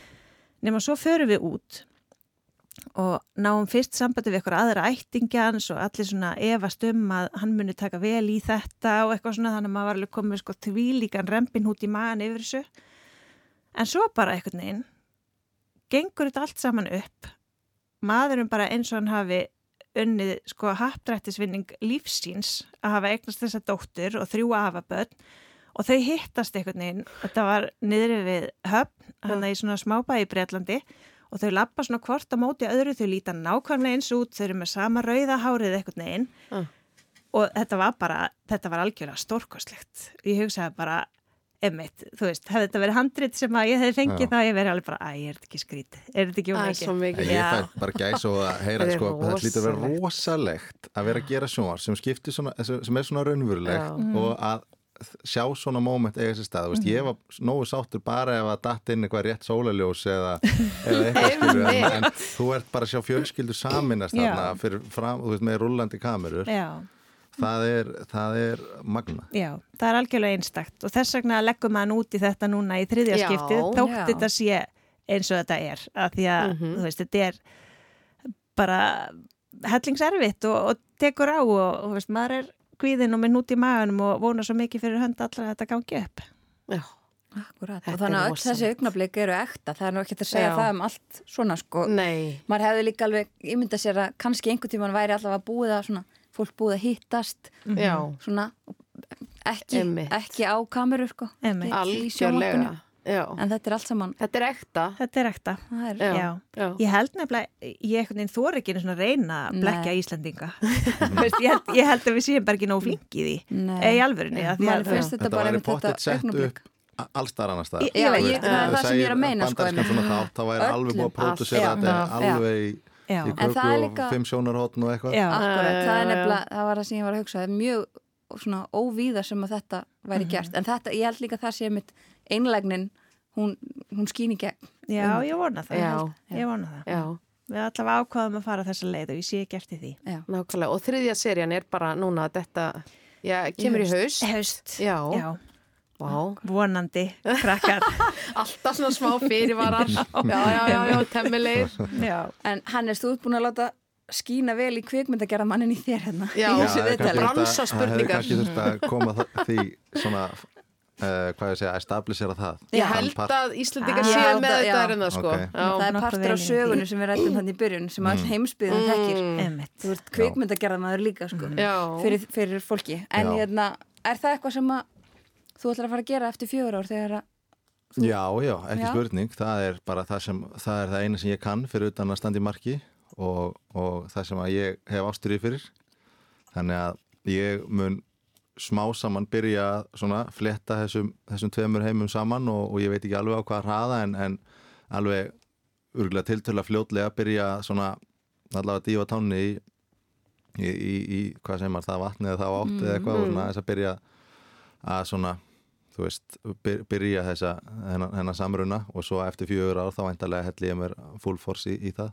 Og byrju, hvað er það þarna, langaði að gera kvikmyndir eða sjónvarsþætti eða þú hefur náttúrulega verið að gera auglýsingardaldið Já, sko ég vann við þetta er- í tíu ár áður en, áður en ég fór út í atvinnum Já. og þá tókst mér bara að fletta saman fótbolta og, og kvikmyndagerð alveg nokkuð svona uh, nokkuð smúð en, en hérna, það var orðið rosa mikið að gera hjá mér undir lokin þannig að það var svona kærkomið að geta aðeins pásað kvikmyndagerðina og einbytt mér að fótbolta en nú er ég alveg komið með bakteríuna og farin að sakna þess að, að gera eitthvað. Og, hérna, og ég var bara að gera auglýsingar lang, að, að langmestu leiti út af því að ja, mér finnst það gaman uh, en, en líka af því að, að því að það var það eina sem hendaði fótboltanum af því að auglýsingar eru, Já, það er alltaf bara einn til tveir tökudagar.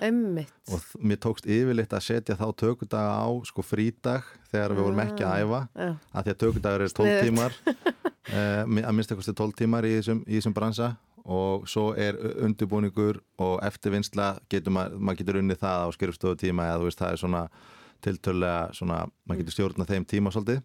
En ég get ekki stjórnað töku dögunum, það er eftir bara í 12 tíma og þá get ég ekki mætt að fótboltæðingu klukkan 5 og þar að leiðandi get ég heldur ekki farið í að gera uh, langa langar uh, þætti, eða þáttaræðir eða bíómyndir nema við mjög sérstakar aðstæður. Ég mér tókst að gera þrjár þáttaræðir sem voru þá teknar alltaf í oktober þegar við vorum í fríi eftir tímabilið.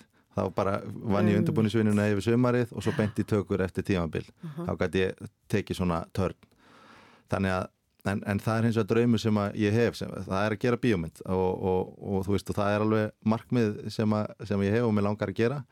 Uh, hvort að það verði bara ferillin, ég veit það ekki ef að snuðum það, ég mér finnst þetta allt skemmtilegt þú veist, auglýsingar eða sjónvastættir eða eitthvað en, en það er ekki spurninga svona draumurinn og metnaðurinn er að ná einhvern tímann að gera eina, eina bíómynd. Hvernig mynd?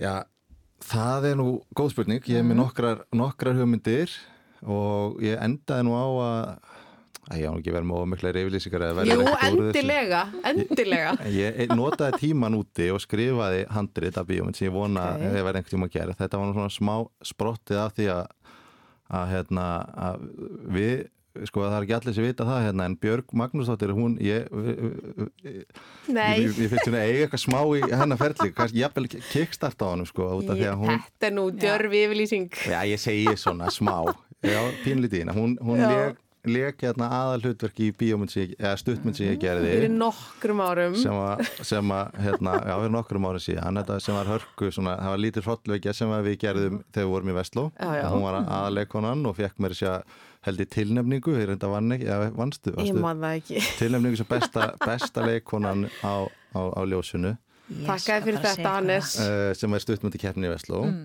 og þetta var alltaf, þessi mynd þó að hún hafi verið gerð fyrir 15 ára síðan ég hef svona alltaf gengið með svona þá bakteríu í, í, í maðanum síðan, getur maður sagt það, bakteríu í maðanum Já. að, að gera svona hrollviki eða svona, þú veist, svona spennumynd sem að, sem að svona hendar íslenskum aðstæðum og þessu myrkri svona sem að, sem að uh, við, við búum við hérna stóra hluta ársins.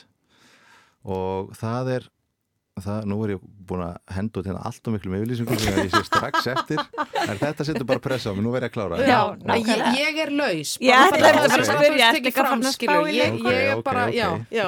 Þú ert þetta. Þegar þú segir það þá uh, er hann að hlutur sem að yes.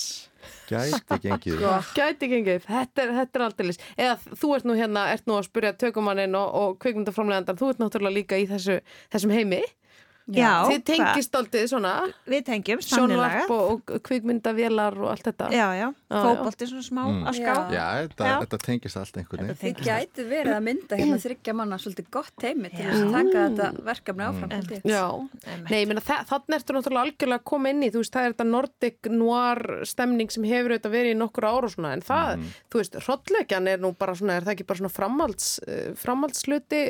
á það einhvern veginn, er ekki bara Já. rífandi stemning fyrir svona efni? Ég veit ekki, jú ég, ég, að, þú veist, ég veit ekki. Ég held bara, þú veist, þetta er svona þetta er allavega, þetta er allavega eitthvað sem ég held að ég geti gert og, og þú veist, ég er engin svakalegur aðdáðandi sjálfur á- eða, ég er alltaf skítrættur við, við hrollveikjur og á erfitt með að horfa það sko. Kannski er það eitthvað þess vegna sem að þetta tóðar í mig, ég veit ekki en, en hérna, en þetta er líka algeng leið fyrir kvikmynd að gera menn að gera sína fyrstu myndir, þetta er oft svona ódýra myndir og, og svona uh, mjög oft sem að kvikmynd að gera menn sem er að gera svona stíga sín fyrstu skrefi að gera fyrstu bíómyndinar svona koma sér inn uh, í þessum uh, hvað er ég að segja er, hvað er orðið yfir það á íslensku? Ég er alltaf að sletta hérna. Já. þessum geira Já, já geiri. þessum flokki að gera, já. kvikmyndaflokki. Þannig að, hérna, þannig að ég allavega er búin að ég er búin að, að svona uh, hamast við að, nóða út þessu handriti síð, síðustu ár þó að það hef ekki verið auðvelt og það er ekki tilbúið en það er eh, svona komið langlegina og ég vona að verði einhvern veginn að veruleika Þetta er spennandi. Já. Ég mæti í bíó. Já, það er búið Yes. Frumsýning eftir fimm ár Já, Já. Langar þig að gera bíómynd? Um, nei, ég hef nú ekki endilega nei verið að hugsa svona í, í þá áttina. Mér er auðvitað fundist, einu sinni var ég alltaf í Íslandi í dag. Mhm. Þá bara mætti maður að mótni með hugmynd og þá var búið að senda hann út að kvöldi og eitthvað. Þannig að mér finnst þáttagerð alveg nógu mikið langklaup stundum. Já. Þannig að ég Ah. kvikmynd, ég fæ bara svona, uff, einmitt, þú Ég talar um eftir fimm ég er- ár. Ég er alveg já. og ég er meira svona í stuttum verkefnum og þess vegna henda auðlýsingarna vel Mhm. sko.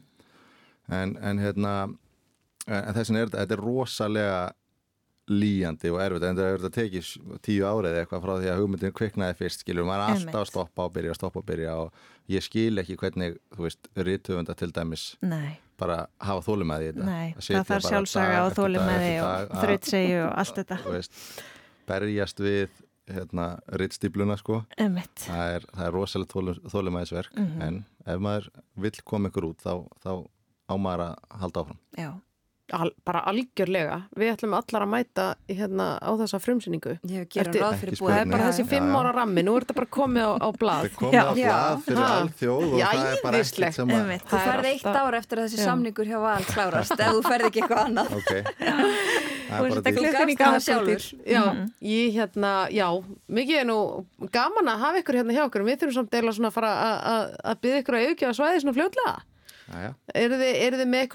eða Sigrun, ertu með eitthvað svona spes? Páskadagur. Já, Stór. bara ég ætla að fara norður á Akureyri Já. og vera þar. Já, Mhm. áttu ættir að að reykja það með Já, Nú, nú. pappi og fólki hans býr þar. Já, já, æðislegt. Það er alltaf svolítið stemming að fara norður. Já, Smá svona mín í útlönd. Er það ekki? Jú, Jú, ís og Já. eitthvað. Þú erum nú líka að tala um loftslagsmálinn hérna áðan, er þetta ekki það sem koma skal? Við erum bara að fara í stuttarferðir innan lands. Já, að spara með ekki bílum. fljúa mikið. Taka langferðabíl, ferðast ekki einn í bíl og eitthvað. Já. Já, já, já. algjörlega, strætó. Það er sem ég ætla Já. að gera. Allt þetta, ég ætla einmitt í strætó. Með hafralatti Já. á kantinum. En, en þú, Hannes, ertu eitthvað páska svona? það er leiðilega svar hjá mér sko ég Ok. er eiginlega ekki búin að pæla neitt í þessu því miður. Nei, nei. þannig að ég bara, sorry, ég er bara blanko Það er bara... Þetta er rosalega En lélegt. það er nú eins og við tölum um áðan, það er líka kosturinn við. já, ég er náttúrulega já, ég er ný, ný komin hérna. Já, og og erum bara, þú veist, ennþá að að svara alls konar, alls konar fyrirspurnum um heimsóknir og, og svona, þú veist, einhverja hittinga, familjan, þannig að við Já, erum örgulega bara að fara að nýta þessa helgi vel í, í eitthvað svo liðs, bara uh, hérna, rúnt um Reykjavík og hels upp á mannskapin, þetta verður bara kósi. Já. Hljóma mjög vel. Uh, ótrúlega gaman að fá okkur. Takk fyrir komin að Sigrun Ós, Kristjánsdóttir og Hannes Þór Haldarsson. Takk fyrir mig. okkur. Og gleðilega páska bara. Gleðilega páska. Gleðilega páska.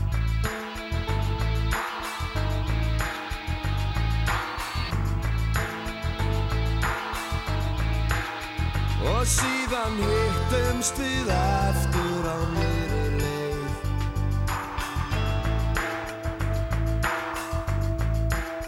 Og síðan hittumst við aftur á nýri leið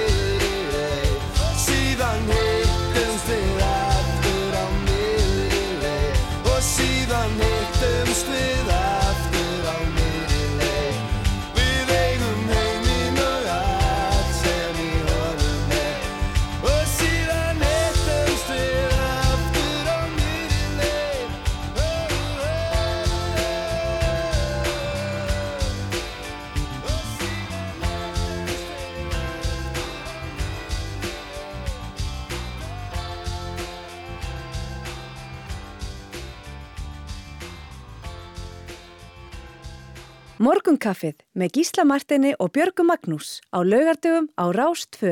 Jæja, gott fólk, áfram heldur það eh, blessað kaffið hér á Rástvö. Nú er búið að fylgja þessu góða fólki út. Já. Ha, Sigrún Ósk og Hannes Þór. Einmitt. Fjör. Ótrúlega, já, gaman að fá þau. Já, skemmtilegt, skemmtilegt fólk og þau, þau bara eru perli vinir. Ég held að þau séu bara að fara beint bara að hanga saman í einhverju páskaækjaleiti eða eitthvað sko. Já, fá sér eitt kaffibólli viðbútt. Nákvæmlega. Fá hennan kaffi skjálta fram. Já, nákvæmlega. Ef, ef að Sigrún finnir okkur havramjólk eitthvað Já, einmitt. þá er það bara selt. Einmitt, af því hún fær sér það ekki á Akranessi. Mér finnst það mjög gott. Ég, ég, einmitt, þetta er alveg, þetta er geggjað. Já. En hérna, það finnur svona að, að styttast í annan endan hjá okkur en, en við ætlum nú samt að, að spila eitt, þetta er lóskalag sko frá þér. Já. Næsta lag. Já, það er bara alveg rétt. Já. Með, er með svolítið æði fyrir stjórninni. Er það? Já. Ok. Bara, heyrðu eitthvað af þessum góðum lögum? Já, veistu, ég held bara að við verið á tónleikum hérna með Gós. Við byrjuðum nú Já. að hlusta á Hjaltalín, það sem eru nú tveir sömu meðlimir. Aha. Þau tóku sko hérna á einhverjum tónleikum sem ég fór á við eigum samlið. Ah, já, já, já, já. já, skemmtilegt Fallegt lag, lag, já, með stjórninni. Og þá fór ég svona að rifja upp kynnin við þessa hljómsveit.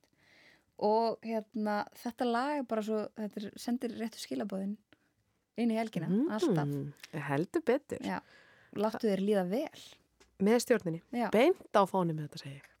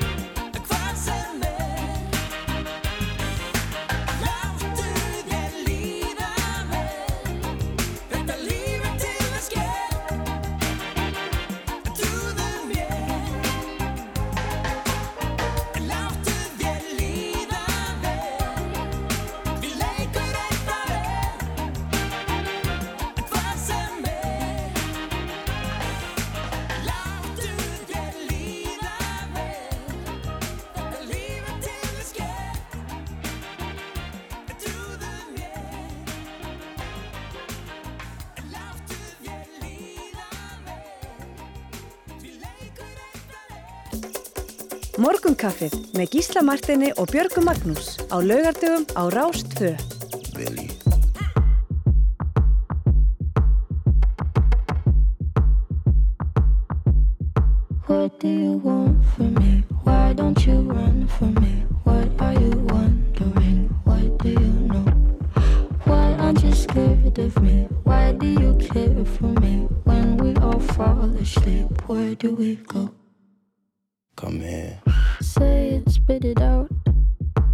it exactly? Your pain is the amount cleaning you out. Am I satisfactory? Today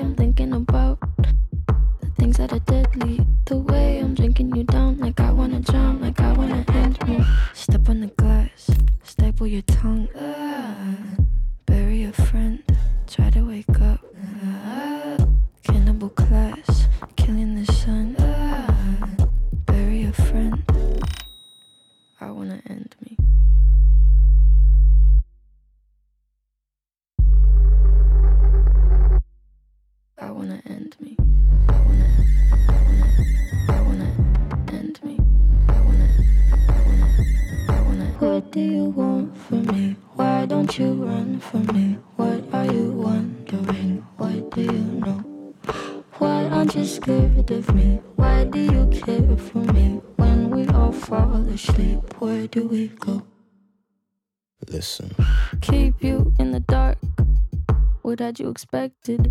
Me to make you my art and make you a star and get you connected. I'll meet you in the park. I'll be calm and collected. But we knew right from the start that you'd fall apart cause I'm too expensive. Would be something that shouldn't be said out loud. Honestly, I thought that I would be dead by now. Calling security, keeping my head held down. Bury the hatchet or bury your friend right now. Gotta sell my soul. Cause I can't say no, no, I can't say no. Then my limbs are frozen, my eyes won't close, and I can't say no, I can't say no. Careful. Step on the glass, staple your tongue.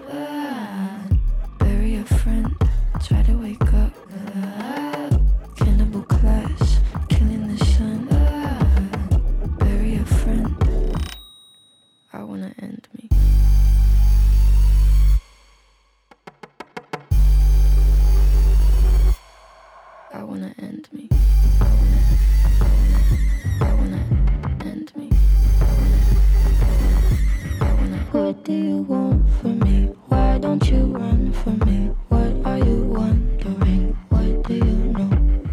Why aren't you scared of me? Why do you care for me? When we all fall asleep, where do we go? Já, góð hlustendur, þið voruð að rétt í þessu að hlusta á hana Billie Eilish. Hún er nýjasta uppáhaldi mitt.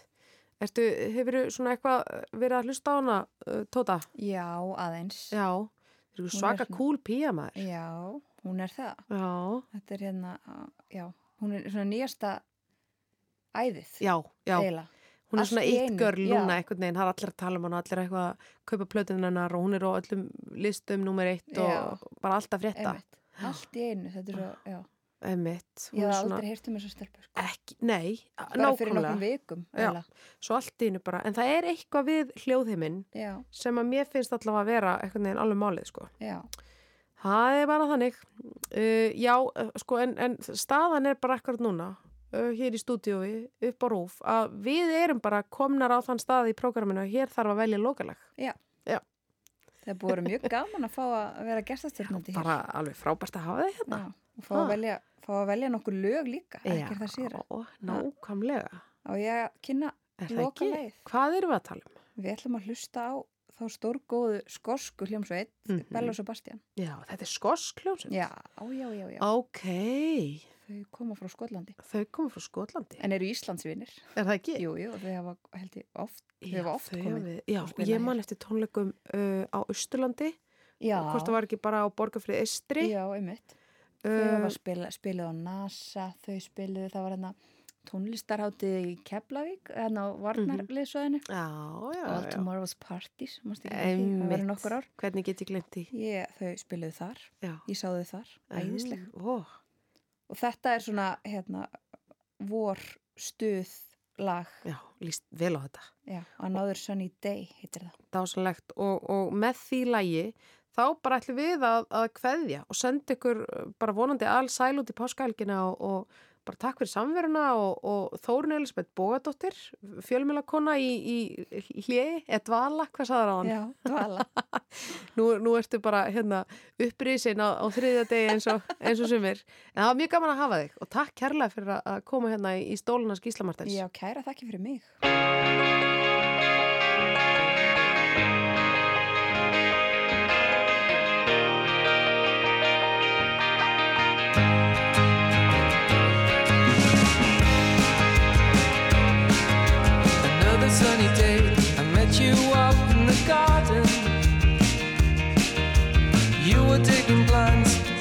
you beg your pardon.